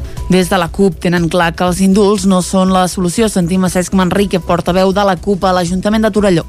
No creiem que sigui un primer pas, sinó que creiem que és un intent de, de, de tancar aquest procés i de mirar de, de tancar un acord on no, per una banda es renunciï a la unilateralitat i en canvi per l'altra es compensi amb indultar aquests presos. Representants usonencs d'en Comú Podem i del PSC, en canvi, situen els indults com un primer pas necessari en la resolució del conflicte. Sentim el biguetà Marc Parés, diputat d'en Comú Podem, i Antoni Poyato, primer secretari del PSC a Osona. El primer pas eren els indults per garantir la llibertat dels nous presos i preses polítiques. El segon pas ha de ser aconseguir la reforma del delicte de sedició, que hi estem treballant en el Congrés de Diputats i estem convençuts que ho aconseguirem i això permetrà el retorn de les, de les persones exiliades i l'objectiu polític final en la lluita contra la repressió doncs, és l'amnistia. Hem d'escoltar tot el que ha dit el Consell d'Europa. Ha dit moltes coses, efectivament, ha sigut una clatellada cap al poder judicial, però també ha sigut una clatellada de lo que va ser el referèndum el qual han titllat d'il·legal. Per tant, hem d'escoltar tot el que s'ha dit i trobar de, intentar trobar vies de solució a aquest conflicte que ja està durant masses, masses anys. Des de l'ANC, que es desmarca de l'amnistia que reclamen Esquerra, Junts, la CUP i Òmnium, aposten per la nulitat de les sentències judicials i per la via unilateral. Aleix Andreu és secretari nacional de l'ANC. S'han afanyat a fer aquests indults per rentar una mica la cara, perquè no semblin Turquia o no semblin la monarquia de, de marroquina, i per altra banda també sabem que el PSOE necessita un suport de, eh, per governar a Madrid i d'alguna manera sap que això l'ajudarà a mantenir l'estabilitat política però pel que fa al conflicte polític entre Catalunya i l'estat espanyol, els indults eh, no solucionen res, més aviat tot el contrari. Si no hi ha sorpreses d'última hora, la sortida de la presó dels nou presos polítics es produirà avui mateix pels vols de les 12 del migdia. Seguim parlant de reaccions a l'indult dels presos polítics. Òmnium Cultural del Ripollès segueix apostant per l'amnistia i creu que els indults no són suficients. Isaac Muntades, des de la veu de Sant Joan. Els indults que es van aprovar aquest dimarts al Consell de Ministres del Govern espanyol no són del gust de tothom. De fet, hi ha un sector de l'independentisme que el rebutja frontalment perquè creuen que no resolen el conflicte polític entre Catalunya i Espanya. El president d'Òmnium Cultural al Ripollès, Jordi Vilarrodà, va celebrar que els presos polítics puguin sortir de la presó perquè és bo per ells i les seves famílies, a més de servir per alleujar alleugeria el patiment durant tot el temps que han estat als centres penitenciaris corresponents. Amb tot, Vilarrodàs va fer seves les paraules del vicepresident d'Òmnium, Marcel Mauri, que deia que l'acte del Liceu d'aquest dilluns, on el president espanyol del PSOE, Pedro Sánchez, va anunciar la mesura de gràcia, era un acte electoralista i propagandista. El president d'Òmnium a la comarca va ser molt clar i va recordar que hi ha més de 3.000 persones represaliades arreu del territori català. Vilarrodà va reiterar la postura d'Òmnium amb aquesta qüestió. Davant d'això, la postura d'Òmnium és demanar l'amnistia. Creiem que l'amnistia és l'única forma de reparar la injustícia que s'ha produït, ja dic, amb totes aquestes persones. Aquests dies estem sentint el cas de la persecució el del Tribunal de Comptes, a, diferents, a diferents persones, a qui clarament vol arruïnar, que altres casos de persones que hem vist doncs, que entraven eh, en un procés judicial per alguna acció de protesta, etc etc. Doncs davant d'això, l'única cosa que realment solucionaria el problema és l'amnistia. Per Òmnium, tot el que sigui defensar els drets a l'autodeterminació i l'amnistia no pot ser un delicte, sinó que ha de ser una solució. Vilarrodà també va parlar de la importància de la resolució del Consell d'Europa d'aquest dilluns. És una resolució important, malgrat que aquest no sigui un organisme resolutiu, sinó consultiu, però és important perquè va molt enllà aquesta resolució i a vegades el que diu el Consell d'Europa és el precedent o, o influeix en el que puguin dir altres organismes, perquè parla de l'empresonament i la persecució de dirigents independentistes, parla fins i tot de l'empresonament de persones per gestos simbòlics com la condemna i la inhabilitació del president Torra per haver penjat una pancarta, exigeix que els presos polítics siguin alliberats i que no es persegueixin els exiliats i que s'acabi la repressió. És a dir, és un ventall molt ampli, és un ventall molt ampli de, de, de casos i per tant en aquest sentit creiem que és una victòria. El president d'Òmnium al Ripollès creu que els indults es produeixen poc temps abans que Europa doni la raó a bona part de la causa del procés i des del govern espanyol es volen avançar els possibles revés judicials. Sobre el fet que l'indult sigui reversible, Vilarrodà creu que serveix perquè pengi sobre ells una espasa de Damocles, però agafant els arguments del tribunal, si estan inhabilitats per fer política, no poden tenir un càrrec polític i aquesta reincidència seria impossible que es produís. A més, per allò que expressin des de la llibertat d'expressió, considera que seria molt greu que fos un motiu per tornar a la presó. Dos ferits en un accident de trànsit a Sant Celoni en un xoc amb quatre vehicles implicats, aparcats i desperfectes també a una casa. Un dels conductors va donar positiu per alcoholèmia. David Auladell, de Ràdio Televisió, Cardedeu. Dues persones van resultar ferides en un accident de trànsit a la Corilla dels carrers Vallès i Montserrat de Sant Celoni poc després de dos quarts de dotze de la nit de dilluns. Dos cotxes van topar i el xoc va provocar la col·lisió amb una casa situada a la cantonada dels dos carrers i tres cotxes més que estaven aparcats. Dues ambulàncies del SEM van traslladar els ferits a l'Hospital de Granollers, tots dos ocupants del mateix vehicle. La policia local de Sant Celoni va traslladar el conductor d'un dels vehicles implicats en l'accident a prefectura, on se li va practicar la prova d'alcoholèmia amb el resultat positiu de 0,53 mil·lígrams per litre per aire respirat. Amb aquestes dades se li van obrir diligències penals pel delicte contra la seguretat viària.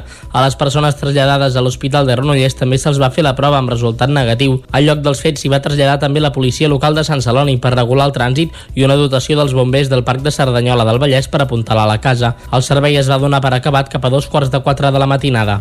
Les festes majors d'estiu ja han començat a Osona. Una de les més matineres va ser la de Sant Quirze de Besora, que es va tancar diumenge després d'haver superat un cap de setmana en què el principal problema no van ser les restriccions anticovid, sinó la pluja. La veu i la guitarra de Judit Nederman sonaven diumenge al migdia a la carpa ubicada a la zona de Can Guixà, que ha acollit els diversos actes de la Festa Major de Sant Quirze de Besora, la que obre el calendari de celebracions d'estiu a Osona.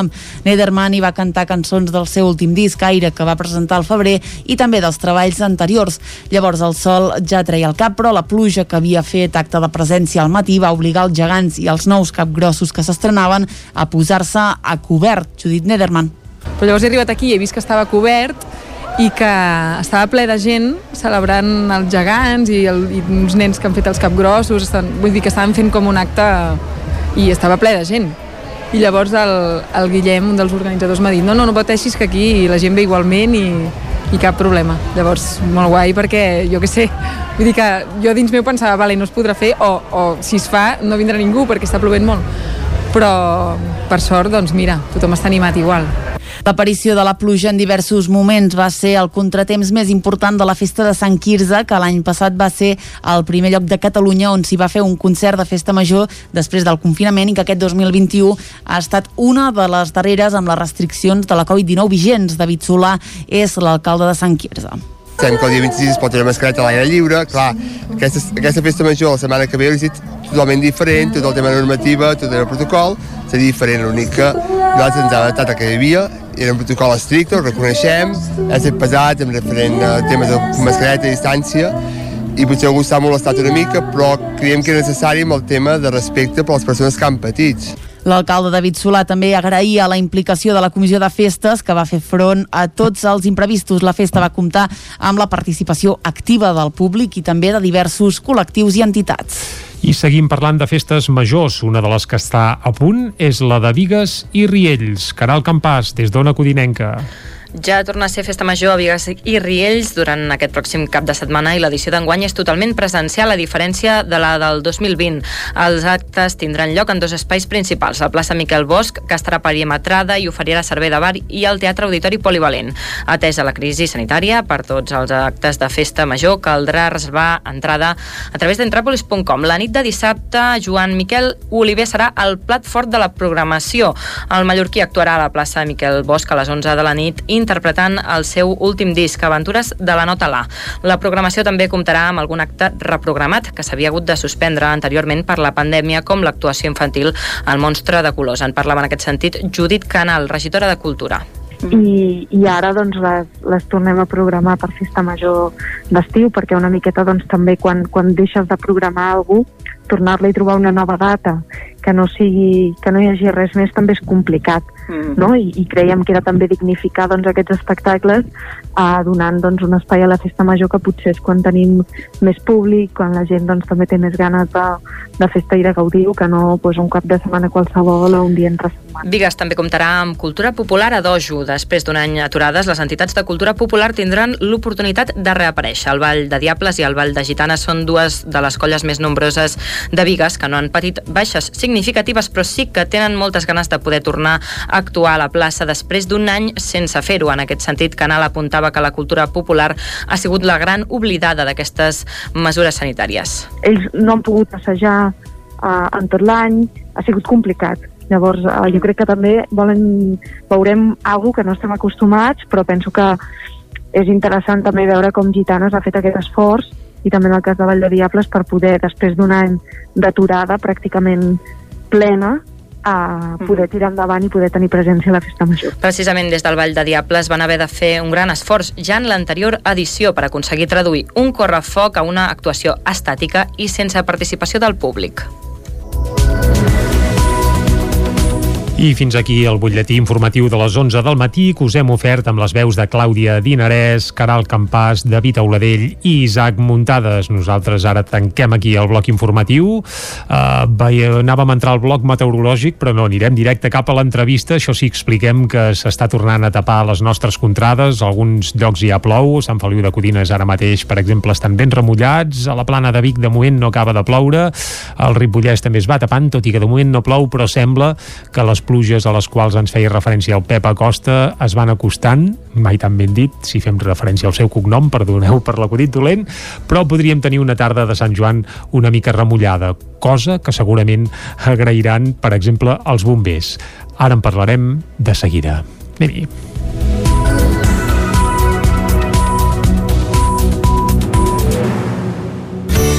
Territori 17. Envia'ns les teves notes de veu per WhatsApp al 646 079 023. 646 079 023. WhatsApp Territori 17.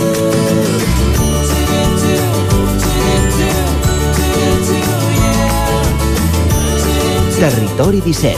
Som a Facebook, Twitter i Instagram amb l'usuari Territori 17.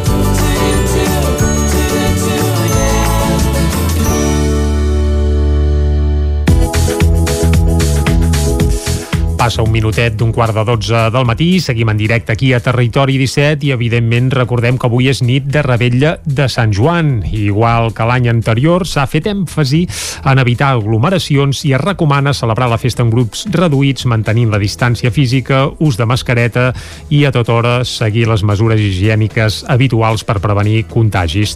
Tot i aquestes mesures, el Procicat sí que ha aixecat la limitació de 10 persones per grup, tot i que recomana no superar aquest nombre. Per tant, diguem que a nivell general hi haurà més moviment que no pas el Sant Joan de l'any passat. Anem cap a Ona Codinenca amb la Caral Campàs. Bon dia, Caral. Bon dia, Jordi. Doncs sí, hi haurà més moviment i per parlar doncs, dels riscos associats a aquesta nit pel que fa al foc i també d'algunes recomanacions de seguretat, tenim a Jordi Soler, a cap del Parc de Bombers Voluntaris de Caldes de Montbui. Bon dia, Jordi. Bon dia, Caral. Què tal? Molt bé. Eh, avui ha plogut però la meteo dels últims dies eh, ha permès que la massa forestal doncs, s'hagi doncs, assecat. No sé si el risc d'incendi segueix sent alt o amb les pluges d'avui preveieu eh, menys incidents. A veure, és, és cert que bé, portem un inici de, de mes de juny molt, molt, molt calorós eh, i la, la meteorologia ens ha portat doncs, a, en aquest escenari atípic d'avui, no? una rebetja de Sant Joan, de moment passada per aigua, és una pluja constant, poc intensa, però és constant. És cert que això va bé, però, però sempre mirem la, el que és la, la hidratació del bosc, de la vegetació, sempre s'ha de mirar una mica enrere en el temps que portem. Llavors, per exemple, aquí a la nostra comarca, en els últims 30 dies, només hem acumulat 20 litres d'aigua eh, a nivell genèric, a nivell de tota la comarca. Això és molt poca aigua i fa que, doncs, que els boscos o la vegetació estigui molt poc hidratada. Per tant, la pluja d'avui sí que ajuda, sobretot per el que és el combustible fi, però per lo que és la massa forestal en si, eh, bé, és, és poca aigua, hauria de ploure molt més i més intensament. Mm uh, Jordi, pel que fa a confluència de mesures sanitàries i petards, l'any passat es va insistir molt en no utilitzar gel hidroalcohòlic si es vol manipular pirotècnia. És inflamable, oi? Cal anar amb molt de compte en aquest sentit. Correcte, sí, sí, és el, el, mateix, el mateix protocol que l'any passat, eh, tot i que el Covid doncs, sembla que no estiguem tan, tan a sobre com, com mm. l'any passat, estem més pendents doncs, de les reunions o de, les, o, o de la quantitat de gent que ens podem trobar, però, però el, el, el gel hidroalcohòlic és un element que ja l'hem normalitzat, igual que la mascareta, i la portem a sobre, i tant la mascareta com el gel hidroalcohòlic són inflamables. Eh, mm. Aleshores, a l'hora de, de manipular pirotècnia o d'encendre petards, doncs hem de eh, tenir la precaució primer doncs, d'apartar aquests elements inflamables. Uh -huh. I a banda de, de la mascareta i de, del gel, quines són les recomanacions a l'hora doncs, de manipular petards? Bé, això és, bueno, són les mateixes de, de cada any, el que, eh, uh -huh. a part de que intentar, eh, sobretot la canalla, doncs, que potser són els més els clients més potencials en l'ús de la pirotècnia, que utilitzin eh, pirotècnia adient a la seva edat, per evitar doncs, eh, ensurts i, i lesions, i en quant a, al foc, doncs, evitar llançar eh, petards i coets cap a les eh, zones amb vegetació, contenidors, materials inflamables. Eh, també, teòricament, en principi, es fa a treball de prevenció, doncs, tots els contenidors haurien d'estar buits, sobretot els de paper cartró, per, doncs, per això, per evitar, doncs, si, si va per algun petard o algun aliment eh, inflamable dins d'un contenidor d'aquests, doncs, doncs que s'inflami tot el contenidor. Mm -hmm. Fa una mica fer referència a, bé, al fet d'evitar llançar petards en zones properes a vegetació, però fa uns quants dies, crec que era el dia 14 de juny, hi va haver un incendi a la zona de l'Era Nova, Sant Feliu de Codines, precisament per un petard, oi? Encara falta consciència, eh, en aquest sentit. Correcte, sí, sí, sí. A més va enganxar uns dies que, que, bueno, que va, va venir una calor intensa, molt, amb molt sol, amb un, amb un ventet que ja sabem que el vent és un gran eh, afavoridor de la propagació dels incendis. I, i sí, és cert, el, a Sant Feliu vam tenir aquest ensurt i dies abans vam tenir un foc una mica més gran a la zona entre Santa Eulàlia i Vigues i Riells eh, que va afectar 4 hectàrees que per ser principis d'estiu doncs eh, déu nhi la magnitud. I com sempre doncs el que sempre demanem és que hi hagi una ràpida, un ràpid avís a través del 112 i sobretot localitzar eh, l'inici del focus de, de l'incendi. Això per nosaltres és vital, que tenir una, una, l'avís immediat i localitzar-lo de manera el més acuradament possible. Mm. Des del Parc de Bombers Voluntaris de, de Caldes esteu preparats per la rebella d'avui. Uh, quin, quin nombre de persones formarà part de, l'operatiu? No sé si tindreu algun reforç. Sí, nosaltres, eh, bueno, eh, a la rebella Sant Gutjoany, des de bombers de la Generalitat doncs, activar tots els parcs, tant funcionaris com voluntaris, i eh, hi ha un reforç que en principi està eh, muntat fins a les dues de la matinada, però sempre ens guardem l'as a la màniga de, de perllongar-ho si la nit és, és més moguda del normal. Uh, aquí Caldes concretament, doncs eh, aquest any només tenim un camió, però estarà, estarà des de la, tota la tarda ja disponible amb, amb, amb quatre bombers i a més a més doncs, tenim aquí Caldes doncs, l'ajut doncs, de l'ADF i Protecció Civil que també doncs, tenen alguns mitjans d'extinció i, i entre tots doncs, fem un bon equip. Uh, L'any passat, arran de les mesures anti-Covid, pràcticament no hi va haver fogueres en lloc del territori català. Aquest, aquest any, en canvi, sí que s'han autoritzat uh, moltes de les fogueres i moltes d'elles, a més a més, enceses amb la flama del Canigó. Uh, això complica una mica l'operatiu d'una nit com la d'avui? Mm, no especialment, sempre i quan siguin fogueres, primera, que estiguin notificades i que siguin autoritzades.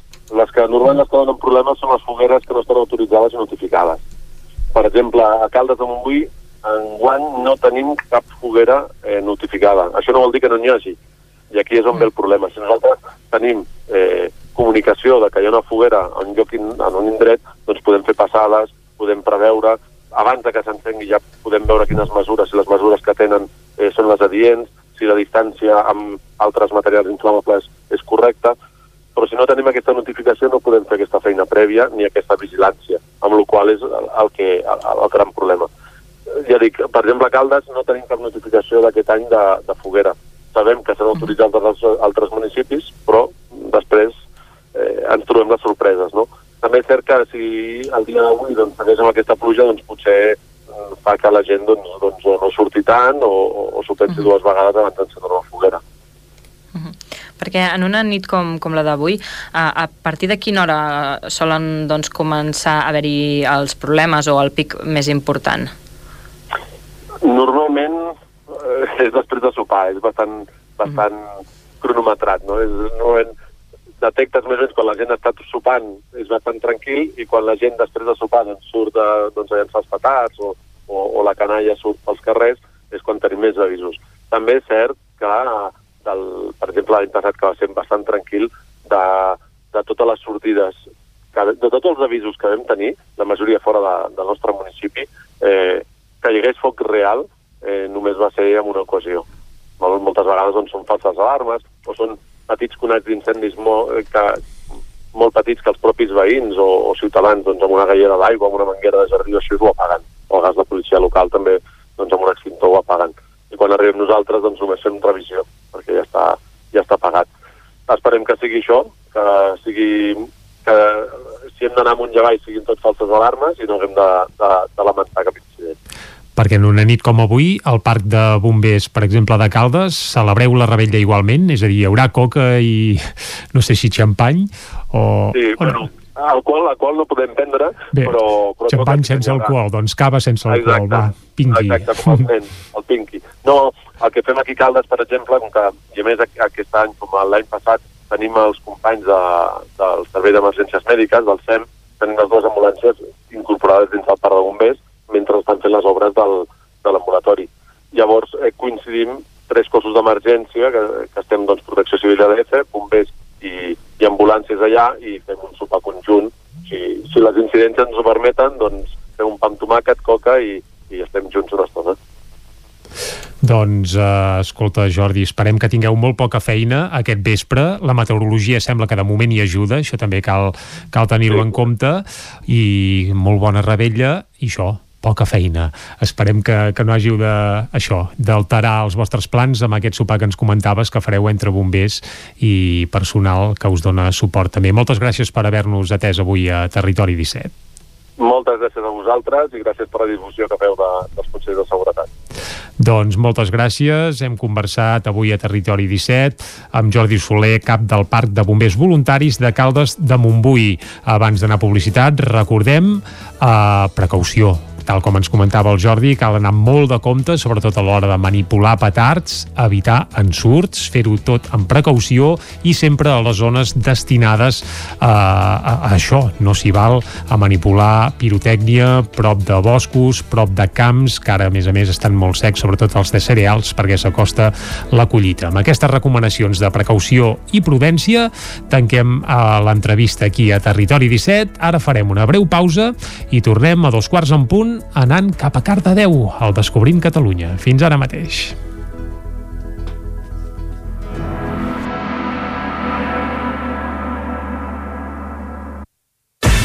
El nou FM, la ràdio de casa, al 92.8. Revella de Sant Joan, al restaurant Casa Vostra. Sopar, música en directe amb Joan Aromí, fi de festa amb coca, llangonissa i cava Vine i disfruta de la Ravella de Sant Joan amb un bon sopar i la millor música. Restaurant Casa Vostra al carrer Pla de Balanyà, número 18 de Vic. Fes la teva reserva al 639 355 320. Impremta Mater, el servei de particulars i empreses. Fem catàlegs, llibres, papereria corporativa, targetes, fulletons i també venem material d'oficina i escriptori, bolígrafs, arxivadors, grapadores, llibretes i molt més. Mater Impressors des de 1957. Impremta Mater. Ens trobaràs a la carretera de Sant Hipòlit, número 23 de Vic i a la impremtamater.com. Això és el que s'escolta al voltant d'una caldera saunia d'Oval tranquil·litat i benestar, perquè gaudeix del millor manteniment del servei tècnic oficial per estar despreocupat. O el que vulgui. Informis a Oficiat Nord trucant al 938860040. Saunier Duval, sempre al seu costat. Ja tenim les rebelles aquí. A Manli seleccionem el millor en pirotècnia, bengales i coets als millors preus. Visita'ns a les nostres casetes i a la nostra botiga. Pagament amb targeta o en efectiu. Manli, ho tenim tot a punt perquè passis la millor rebetlla. Som al carrer Ramon Soler, número de Vic, i també ens trobareu a manli.cat. Telèfon 93 889 0484. I ara també venda online. Vols estudiar un grau de salut i compaginar-lo amb la feina? A la UBIC podràs ampliar la teva formació professional en l'àmbit de la nutrició humana i dietètica d'una forma flexible i amb assistència presencial només un divendres al mes. Informa't a ubic.cat barra info barra nutrició semi. Universitat de Vic. Universitat Central de Catalunya. Vine al racó del León i celebra la Revilla de Sant Joan. Menú especial, coca de Sant Joan i llangonissa per tothom. Gaudeix de la Rebella de Sant Joan al racó del León, carrer Torelló, número 35 de Vic. Fes la teva reserva al 93 889 19 50. Vine a Autoscola Montseny. Ara és el moment de fer els cursos de teòrica intensius, ràpid i eficaç. T'informarem dels PACs. Permís de moto de 16 i 18 anys i permís de cotxe. I si vens a veure'ns, tindràs un obsequi. Apunta't i no t'ho pensis més. Per més informació, Autoscola Montseny, Rambla de Vallades, número 13 de Vic. Busca'ns a Instagram i Facebook. El 9 FM, el 9 FM, el 9 FM, el 9 FM. Territori 17.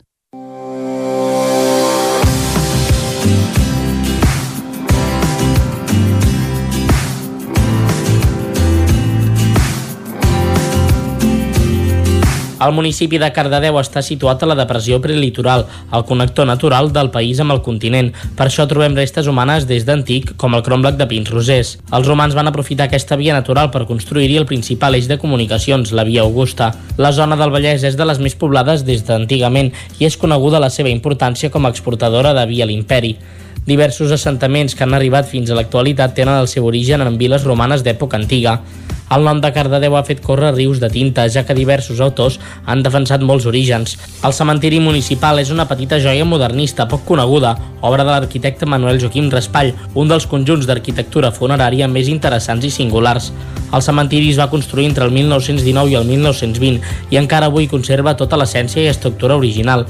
Es troba edificat a la pendent d'un turó, encerclat per una tanca perimetral de pedra i construït en pedra granítica. A l'interior diversos panteons i elements com un pou o una pèrgola mirador conviden a fer un passeig tranquil per descobrir aquest lloc d'interès arquitectònic. L'element més destacat del Museu Arxiu és el conjunt de la farmàcia Balvei, formada per mobiliari original del 1812 amb més de 200 pots de farmàcia. Aquest és l'eix vertebrador d'un nou discurs del museu, que té com a temàtica principal els remeis, la salut i els oficis sanitaris.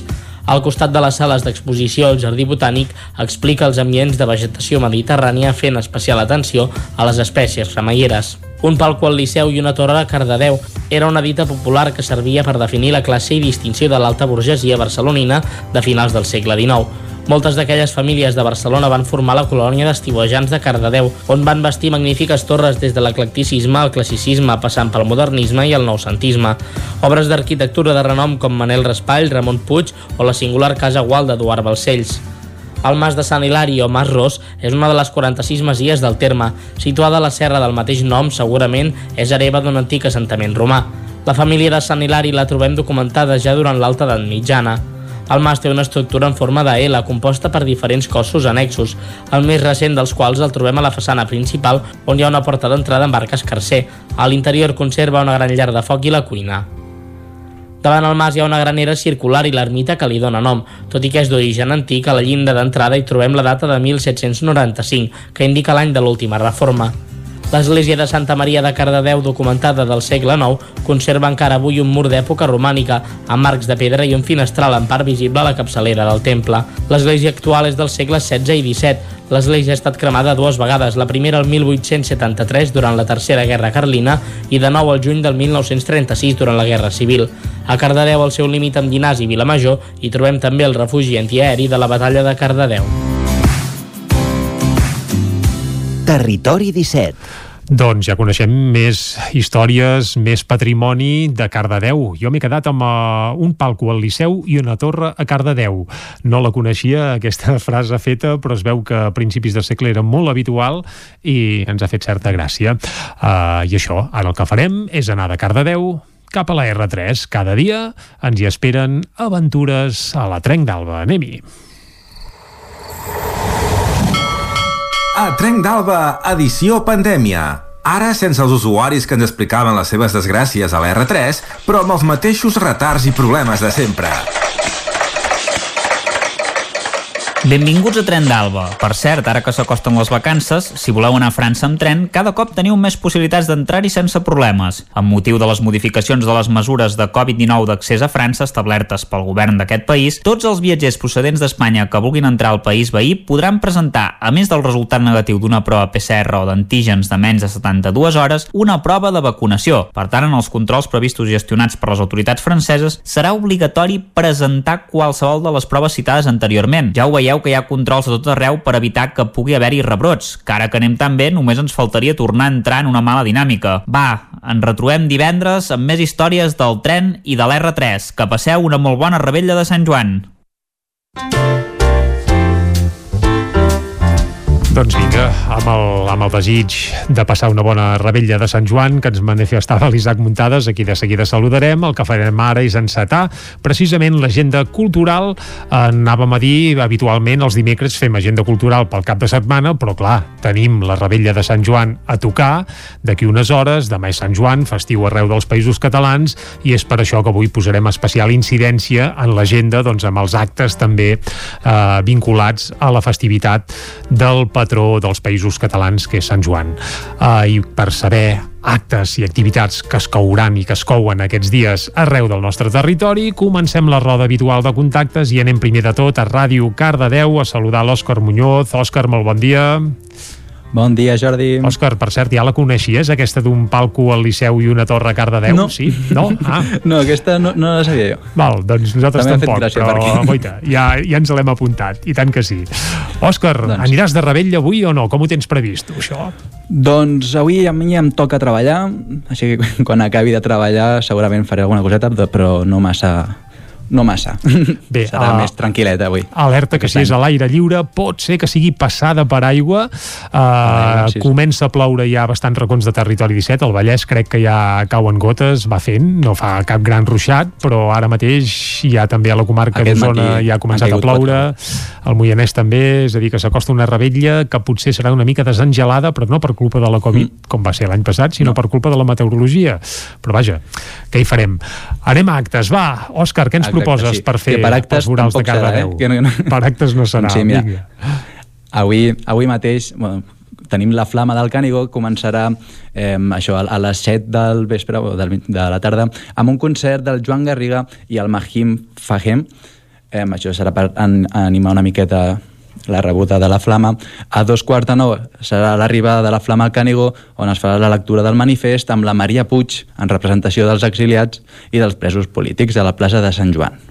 Uh -huh. Això és pel que fa avui. Dissabte eh, faran la festa del foc així també relacionat amb, doncs això, amb els focs artificials. I doncs serà, començarà a les 6 de la tarda amb, unes, amb dues sessions pels més menuts de, de Conte Contes amb l'Alicia Molina a la plaça Flors de Maig. I a dos quarts de nou es farà el, el, llu el lluïment a càrrec de la colla infantil dels Diables de Cardedeu. I això s'acabarà a les 9 amb un sopar popular on tothom que hi vagi doncs, cal portar el menjar de casa i l'organització doncs, posa les taules i les cadires. També hi haurà un servei de barra doncs, per no portar també les begudes des de casa. Ui, I s'acabarà tot això a dos quarts d'onze amb una videoprojecció de la llegenda del Berro. Tot això serà a l'aparcament municipal de Can Mills. La llegenda del Berro. Ostres, del Berro. tampoc la coneixem, eh?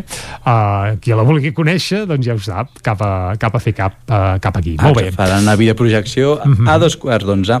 Eh, a Granollers avui es farà també la, la, la flama de, del Canigó a un quart de vuit i ho faran eh, l'encesa del Pavaret amb els Granollers cap per avall i a continuació doncs, faran una petita actuació la Marta Santí i el Víctor Aiza just després faran la lectura del manifest i per acabar doncs, eh, a l'acte final es farà el cant dels segadors això en directe a la plaça de la Porxada. Molt bé. divendres es faran més actes així es farà el Música en Viu al Parc de Ponent amb concerts de Ratafia Sound System, Endemic Roots i d'Extraordinaris. Eh, aquests concerts es podran fer bueno, això es faran al Parc de Ponent i s'hi podrà entrar al, al recinte a dos quarts de set i començarà a les set fins les 10 Molt bé. abans, a la, bueno, just després que comenci això, a les 8 es farà la rebella sardanista que eh, organitza l'agrupació sardanista de Granollers a la plaça Lluís Perpinyà. L'agrupació sardanista que recupera aquesta rebella que abans la feien, doncs, però la van haver de doncs, anul·lar. Aquest any torna i la Cobla Ciutat de Granollers serà l'encarregada del concert a motiu de la Diada de Sant Pere. Fantàstic. I a Llinars... I a Llinars, anem cap a Llinars. A Llinars aquest any han fet... faran la rebuda del, de, de la Flama del De la Canigó Flama del i la Canigó, lectura del manifest Uh -huh. la faran més tard, a la, això serà a les 10, a la plaça dels Països Catalans, on també hi haurà cava i coca doncs, per que sigui una, una diada doncs, més amena. I això, doncs, per acabar, als camps de l'illa, que seran darrere dels pavellons municipals, es faran l'encesa de la foguera i la carretillada a càrrec dels Diables de Llinars. Uh -huh. Tot això, eh, després, a, a un quart d'onze, ens diuen que faran faran una molt grossa, amb un espectacle de foc més gran fet mai a Llinars del Vallès, així doncs que si voleu veure un superespectacle de foc, doncs a Llinars a un quart d'onze faran aquest gran foc art- d'artificis. Molt bé. Que l'Ajuntament de Llinars eh, per una rebella més segura, diuen, bueno, regulen l'ús del material pirotècnic durant la rebella a l'organització de Sant Josep, que és a tocar aquí amb Cardedeu, i està doncs, eh, en una zona boscosa. Doncs per això limiten únicament a, a, una pla a la plaça del Mugeny dins d'aquesta fora d'aquesta zona doncs, no estarà permès l'ús de material pirotècnic ja que doncs, existeix un risc alt de causar incendis forestals. Doncs molta cura en aquest sentit. Ja hi hem posat incidència avui aquí a Territori 17, i tant que sí. Exacte. I acabem, acabem aquest repàs d'aquestes poblacions al costat de, de Cardedeu amb Sant Pere de, de Vilamajor, on avui a tres quarts de nou faran una concentració a la rotonda que puja cap al poble, cap a Sant Pere, ai, Sant Antoni, perdona, i això, es farà una concentració a la rotonda i després sortiran els corredors a peu i amb bicicleta i amb caravana de, de cotxes portant la flama cap a Sant Antoni. S'haurà de respectar la distància mínima de 10 metres entre persones i corredors. Aquests recorreguts en trigaran uns 20 minuts a fer-ho i doncs, arribaran a la plaça d'11 de setembre acompanyats dels timbalers, dels bocs i dels diables. Tant de bo eh, la pluja respecti aquestes previsions i es pugui dur a terme tot tal com ens estàs contant, Òscar. Exacte. Molt bé. Això acabarà a la plaça de la Vila amb l'alcalde on rebrà la flama i hi haurà la lectura del manifest amb el cant dels segadors i després, per acabar, ja es farà el ball de la festa del foc i un castell de focs artificials també. Molt bé. Doncs celebrem-ho, visca Sant Joan. Va, alguna activitat més, Òscar? No. Doncs fantàstic. Aquí ja doncs, ho hem recorregut tot. Doncs moltes gràcies, molt bona rebella. Ja sabem que treballes, però sabem que, que encara et quedarà un raconet eh, per anar-ho a celebrar. Ah, exacte. Doncs eh, deixem els actes a Cardedeu. Anem ara cap al Ripollès, on hi tenim l'Isaac Muntades. Isaac, molt bon dia. Bon dia, doncs sí, aquí al Ripollès tenim una agenda de Sant Joan força completa, hi ha bastantes uh, activitats, uh, recordem que l'any passat, evidentment, tot el tema de la pandèmia va condicionar doncs, que es poguessin fer doncs, les festes habituals per Sant Joan, però uh, aquest any sí que hi ha activitats, us repassaré sobretot les dels cinc grans pobles de, de la comarca, que en tenen forces. Uh, per exemple, comencem per la, per la capital, per Ripoll, perquè doncs, uh, un any més la Flama del Canigó que baixa de, de Coll d'Ares fins a diferents punts de la geografia catalana doncs també serà eh, a Ripoll on està previst que arribi aproximadament cap a les 7 de la tarda a la plaça del Monestir. Allà és on es faran tots els actes. Eh, hi haurà la rebuda de la flama i l'encesa del pavater i també hi haurà una lectura de poemes i sobretot molta música. Tindrem a Jordi Ballesteros, César Ulleu, Dal Surroca i Marina Prat, a més també hi haurà la uh, ballarina Berta Vilarrasa que interpretarà la peça Animalari, a més de Monique i Cantarines. Això seran una mica les activitats a, a Ripoll. A Sant Joan de les Vareres també se celebrarà la, la rebella com Déu mana.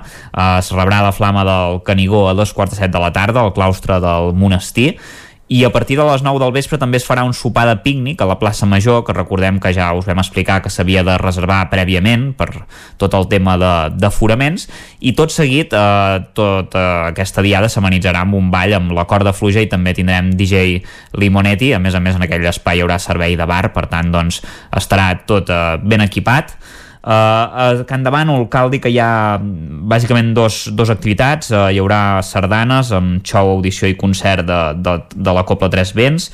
Això serà a dos quarts de set de la tarda a la plaça Clavé es tocaran aproximadament unes set sardanes i després doncs, hi haurà aquest xou i uh, després uh, la rebella es trasllada a la plaça de l'Ajuntament. A partir de dos quarts d'onze de la nit hi haurà festa amb els grups MAMS i a la mitjanit serà el torn de DJ Tete eh?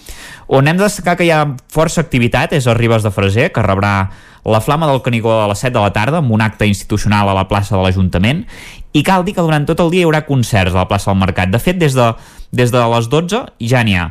Per tant, doncs, eh, Déu-n'hi-do, eh, o sigui, ara mateix quan, quan s'acabi aquest programa realment ja comença Marina Prat eh, a tocar, després a les 4 hi ha Mount Sound, a les 6 de Tafaners, a les 8 en rock.cat i a les 10 eh, la corda fluixa uh, i precisament a aquesta hora Uh, a la plaça de l'Ajuntament hi haurà l'espectacle titulat La llegenda de les encantades i el clavell groc. I just després un correfoc fins al pavelló d'esports l'encesa de la foguera i també hi haurà uh, coc, uh, coca i una copa de cava doncs, per tots els assistents a la rebella. Per tant ja veieu que arribes de Freser hi ha molta activitat i, i finalment dir-vos que Camprodon, que, que en aquest cas la, la Rebella de Sant Joan sempre sol coincidir amb els dies finals de la festa major de Sant Pallari, normalment, també hi haurà força xerinola, a dos quarts de sis eh, està previst que arribi la Flama del Canigó a l'espai d'octubre. I en aquest cas les actuacions musicals que hi haurà es concentren a la Mare de la Font. Primer a les 6 tocaran els Strombers i després a la Bruixa Express i finalment cap a les 11 de la nit hi haurà la foguera de Sant Joan i el Castell de Focs eh, una mica no només de commemorar Sant Joan eh, sinó també de, de tancar aquesta festa major que ha estat de les primeres doncs, que s'ha pogut fer doncs, eh, durant eh, en aquesta època de, de postpandèmia així amb totes les activitats. Si no contem la de Ripoll que també ja va deixar entreveure una mica uh, quines activitats doncs, ja es podien fer. I això seria una mica tots els actes de la rebella de, dels cinc pobles grans. Evidentment en els petits també també hi ha alguns pobles que, que tenen la seva rebella per tant doncs, uh, per tot el Ripollès Uh, rebella de Sant Joan per, per tothom i per totes les edats. Fantàstic, doncs moltes gràcies Isaac Muntades, deixem el Ripollès anem ara cap a Ona Codinenca saludem la Caral Campàs, Caral, molt bon dia de nou. Hola, bon dia, Jordi. El primer que ens interessa és saber si la Caral Campàs anirà de rebella, eh? I aniràs Bé, o no? faré no, una petita celebració a casa. Mm -hmm. Celebraré en petit comitè, eh, sense petards i, i bé, amb, amb, amb, amb amics. Val, fantàstic. Doncs va, un cop fet això, qui vulgui celebrar-ho una mica més a l'engròs, què pot fer a la vostra zona? Doncs mireu, uh, tenim la Flama del Canigó i celebracions de, de rebelles a, a diverses poblacions. A Sant Feliu de Codines avui arriba la Flama del Canigó a la plaça Josep Humbert Ventura a les 7 de la tarda i posteriorment hi haurà lectura de poemes de Miquel Martí i Pol i de Pere Quart uh, acompanyat del so de la flauta travessera d'en Roger Vilà i una traca del grup del correfoc del Follet i la Fantasma. És un acte organitzat per Òmnium, com deia, aquest vespre aquí a, a la plaça de Sant Feliu de Codines. I on també tenim doncs, rebelles i, i flames del Canigó és a diverses poblacions del Moianès. A, a Collsospina, Avui també arriba la flama a les 7 de la tarda, uh, això serà doncs, a, la, a la plaça principal de, del poble, posteriorment hi haurà sopar popular i encesa de foguera. També a Monistrol de Calders, uh, a dos quarts d'onze de la nit arriba la flama i s'encén la foguera i a partir de les 11 de la nit concert amb mitjanit, també hi haurà coca, ratafia i cava per tothom, això també avui a Monistrol de Calders, on també hi ha celebració i festeta, és a l'Estany. Uh, avui mateix uh, arribarà doncs, a la flama del Canigó a les 8 del vespre a la pista vella, també es llegirà un manifest i encesa de foguera. Mm, altres poblacions on, on hi ha celebració de, de Rebella, que, que el Moianès n'està ple avui, uh, és a, a Mollà. A Mollà hi ha Rebella de Sant Joan amb música del 70, 80 i 90 amb vinil, juvenils. Això serà doncs, de dos quarts de deu a dos quarts de dues de, de la matinada a la plaça eh, Major i eh, també on hi ha celebració de Rebella és a Santa Maria d'Oló, eh, hi ha doncs, a la Fundació La Plana celebració de la nit de, de Sant Joan. Tot això i en altres poblacions també del Moianès que no ens les acabaríem, doncs hi ha diverses rebelles i, i arribades de, de la flama del Canigó. I acabo doncs, aquesta agenda cultural parlant-vos de un dels actes doncs, potser més esperats a la vila de Caldes de Montbui, que és l'Escaldàrium. Home, un clàssic uh, de, de Caldes, i tant. Uh mhm. -huh. Sí. A veure, aquest any no es pot recuperar encara la tradicional celebració, però des del Vall de Diables han preparat doncs, una alternativa. L'han anomenat el Concertàrium i es celebrarà el pròxim dia 10 de juliol a les 10 de la nit eh, i és un acte on hi podran assistir unes 800 persones amb reserva eh, prèvia. Us, us comento una mica eh, com anirà. Seguirà les estructura de l'Escaldàrium de Cambra, que és un espectacle que es fa cada any uns dies abans de la festa principal, eh, on s'interpreten versions acústiques de les deu danses eh, de la festa, intercalades amb la llegenda de, de l'Escaldàrium explicada per un narrador. I la principal novetat és que per primera vegada s'aplegaran a l'escenari les formacions musicals d'una banda de l'Escaldàrium de Cambra i de l'altra banda de la pròpia festa de l'Escaldàrium principal, que també hi ha música en directe. I formaran, doncs, una orquestra, una única orquestra orquestra de prop de 20 músics uh, sobre de l'escenari, mm -hmm. dirigits per uh, Ramon Soler, compositor de les músiques, i Andreu Brunat, que bé, han adaptat les instrumentacions perdó, per aquesta nova formació i tot això anirà acompanyat de les habituals intervencions del Vall de Diables, dels tabalers i elements pirotècnics i també dels bombers amb representacions de l'aigua, tot i que no es podrà mullar en cap cas al públic eh, ni, ni, ni el foc tampoc podrà arribar al públic i no han volgut donar gaires més detalls d'aquestes intervencions per tal de preservar la sorpresa, però bé, sí que eh, hi haurà doncs, aquest concertàrium, no és eh, l'escaldàrium habitual, però bé, els calarins i la gent doncs, que ho vulgui doncs, podrà celebrar aquesta tradicional festa el pròxim dia 10 de juliol a les 10 de la nit. Eh, des de l'organització també han, han comentat que cal reservar entrada i s'obriran doncs, l'opció aquesta d'adquirir-la a partir del 28 eh, de juny a través del web caldescultura.cat i a més a més, doncs, a banda d'aquest eh, acte central hi haurà un reguitzell doncs, d'actes paral·lels previs també, que ara no els detallarem, però també es poden trobar al web caldescultura.cat. Doncs, Caral, moltes gràcies. A vosaltres. I que vagi molt bé la rebella, evidentment. Moltes gràcies. I vinga, acabem el recorregut a l'agenda cultural i sobretot agenda de Sant Joan anant cap a Osona amb en Miquel R. Miquel, molt bon dia. Molt bon dia. Uh, Miquel, on celebraràs la rebella, tu? Mm, en privat, segurament, en, privat. en família, mm. molt tranquil·la, com els últims anys. Xino-xano. Xino-xano. Molt bé, per tant, no t'afectarà si plou o a bots i barrals o si no acaba de fer bon temps, Correcte, eh? el que deu estar plovent ara mateix eh, uh deu ser ja a Coll d'Ares, ens imaginem que uh, Imaginem que sí, quan hem connectat amb ell encara no hi plovia, però ja ens ha dit que s'acostaven núvols i sabem de bona font que bona part d'Osona ja està plovent, el Vallès també, el Moianès també, i a part del Ripollès sembla que també. Per tant, home, tu, Miquel, que també ets mig meteoròleg, perquè sabem que aquesta faceta la tens força esmolada també, uh, tot pinta una mica moll, eh, per dir-ho ras i fort. especialment a partir de la tarda, i costarà que alguns indrets costarà allò, diuen que les rebelles s'obriran clarianes. Sí, que, en Pep Acosta ens deia que a partir de les 9, quarts de 10... Correcte. Sí, clar, a aquesta hora les flames del Canigó ja pràcticament han passat totes, s'han encès totes les fogueres, si es pot, és clar, evidentment, i sí, sí, després queda la festa més popular, a vegades al carrer amb aquests sopars a quarts de 10, les 10, que això és el que potser es podria arribar a salvar si la pluja doncs, va fent net, ja ho veurem. Ho Correcte, ja dic que generalment eh, totes aquestes rebelles populars anaven molt associades amb l'arribada i la, mm. la posterior encesa no, dels pavaters, amb, amb els quinquers, amb la flama um, aquest any de rebelles poquetes, no, mm. si més no, no amb aquest concepte de rebella multitudinària que es feia Clar, enca popular. Encara estem en temps de Covid, encara per estem... molt que mica en mica sembla que n'anem sortint, però evidentment encara hi ha unes restriccions uh, hàbils. Eh? Mm. Correcte. Potser els,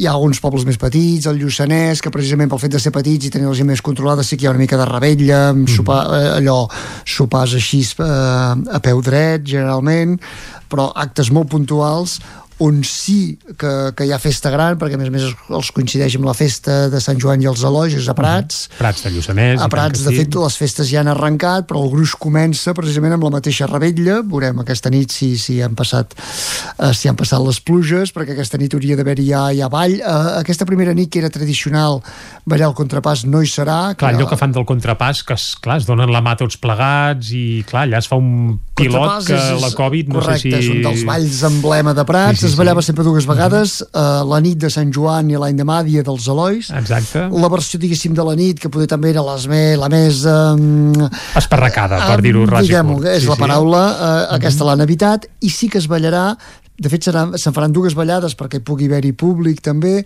se'n faran dues ballades al migdia a la plaça Vella i a la plaça Nova, uh Mhm. -huh. però es fa, amb, com tot aquests, eh, els temps que corren, amb inscripció prèvia de grups de 4. Per tant, no s'hi pot afegir qui vol, com passa Per tant, hauran de ballar de grups de 4 en 4 i no uh -huh. aquelles rotllanes de tots plegats, eh, de tots plegats, no s'hi pot apuntar tothom i també el públic ja, eh, hi podrà assistir amb reserva prèvia. Uh -huh. En tot cas, és un pas endavant, perquè ja dic, l'any passat no es va veure eh, la dansa, aquest any es podrà veure per, per, per partida doble. I deixem avançar que també es podrà veure en directe pel nou TV, perquè Correcte. divendres hi haurà un programa especial al migdia, precisament des de Prats de Lluçanès. Correcte, doncs Va. és això, activitats durant des de dimecres, tot dijous en motiu de Sant Joan i ells empalmen amb els Elois que eh, més enllà de la, de la ballada del contrapàs hi ha la tradicional cercavila Clar, una de... espècie de tres toms que Correcte. es fa per Sant Joan, eh? Sempre els posem allò, sí, sí. hi ha una últim, ultimíssima mm. pila que aquí tenim els tonis pel mes de febrer i març, doncs Correcte. ells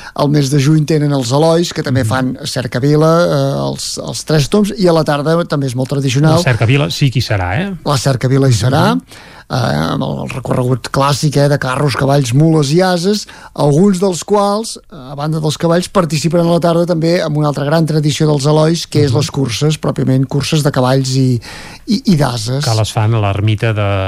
de, de en direcció de l'ermita de Sant Sebastià, eh? no correcte. Si això, Sant Sebastià. Sant Sebastià. Sí, sí, sí, sí. Per tant, eh, on tenim rebella més sonada de Saraprats, la resta encara rebelles moderades, rebelles modestes, eh, pels temps que corren, però si el temps ho permet, si més no, uh -huh. alguna foguera que animi i que convidi a, Home, aquest recordem canvi de que l'any passat pràcticament no hi van haver fogueres perquè ho impedia la, norma, la normativa que hi havia vigent Covid. Aquest any sí que hi ha fogueres. A la plaça Major de Vic, per exemple, la tenen a punt. Això Aquest... sí, sense petards Uh, correcte, oh. aquest any hi ha una, s'ha establert una normativa, els últims anys sembla que era un desmadre excessiu de, de petards Mira, i... jo hi vaig anar fa potser 4 o 5 anys i em vaig, entre cometes, jurar que no hi tornaria perquè feia por, eh? Sí, suposo que més el retornat allà i la gent que vol estar a les terrasses havia arribat un punt que es feia insostenible, denúncies mm -hmm. creuades, hi havia hagut algun incident, eh, fins i tot algun ferit, destrossos al mobiliari urbà, ara han fet aquesta primera mesura d'evitar tant a la plaça Major com a la resta de places del centre centre que poder on retronava més i per tant eh, hi haurà sancions incloses aquí tiri mm -hmm. els petards grans eh? la gent hi pot anar ah, no, amb les sabetes i, i les seves bengales però no pot anar amb aquells, amb aquells coets que, mm. aixordidors que, que, que molestaven eh, els veïns per tant sí que hi haurà foguera no la clàssica foguera tan gran ens han anunciat una foguera més discreteta hi haurà mm -hmm. una mhm. petita pujada també de les torxes de, des del pel carrer, a la Rambla de l'Hospital, des de la mhm. plaça Estació, per tant sí que comencem a tenir, eh, si més no, un petit retorn a la normalitat. Doncs Miquel, moltes gràcies per fer-nos aquest apunt del que es cou durant aquests dies de Sant Joan a la comarca d'Osona i el Lluçanès, que recordem-ho que allà sí que estan de festa grossa amb el Sant Joan i els Elois, en aquest cas això, a Prats. Moltes gràcies, Miquel. Bona rebella a tots plegats. Exacte, i com que ja estem de rebella, va, una mica de la nit de Sant Joan, de Strombers, que ja està sonant. Posem-hi una mica de, de música abans d'acabar, va. En un poble de gent de puta mare. I era la nit de Sant Joan. D'alegria, de fum i beure no em va faltar pas ni un instant.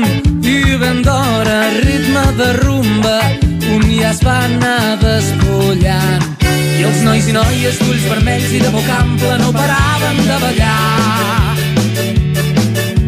i no s'estaven de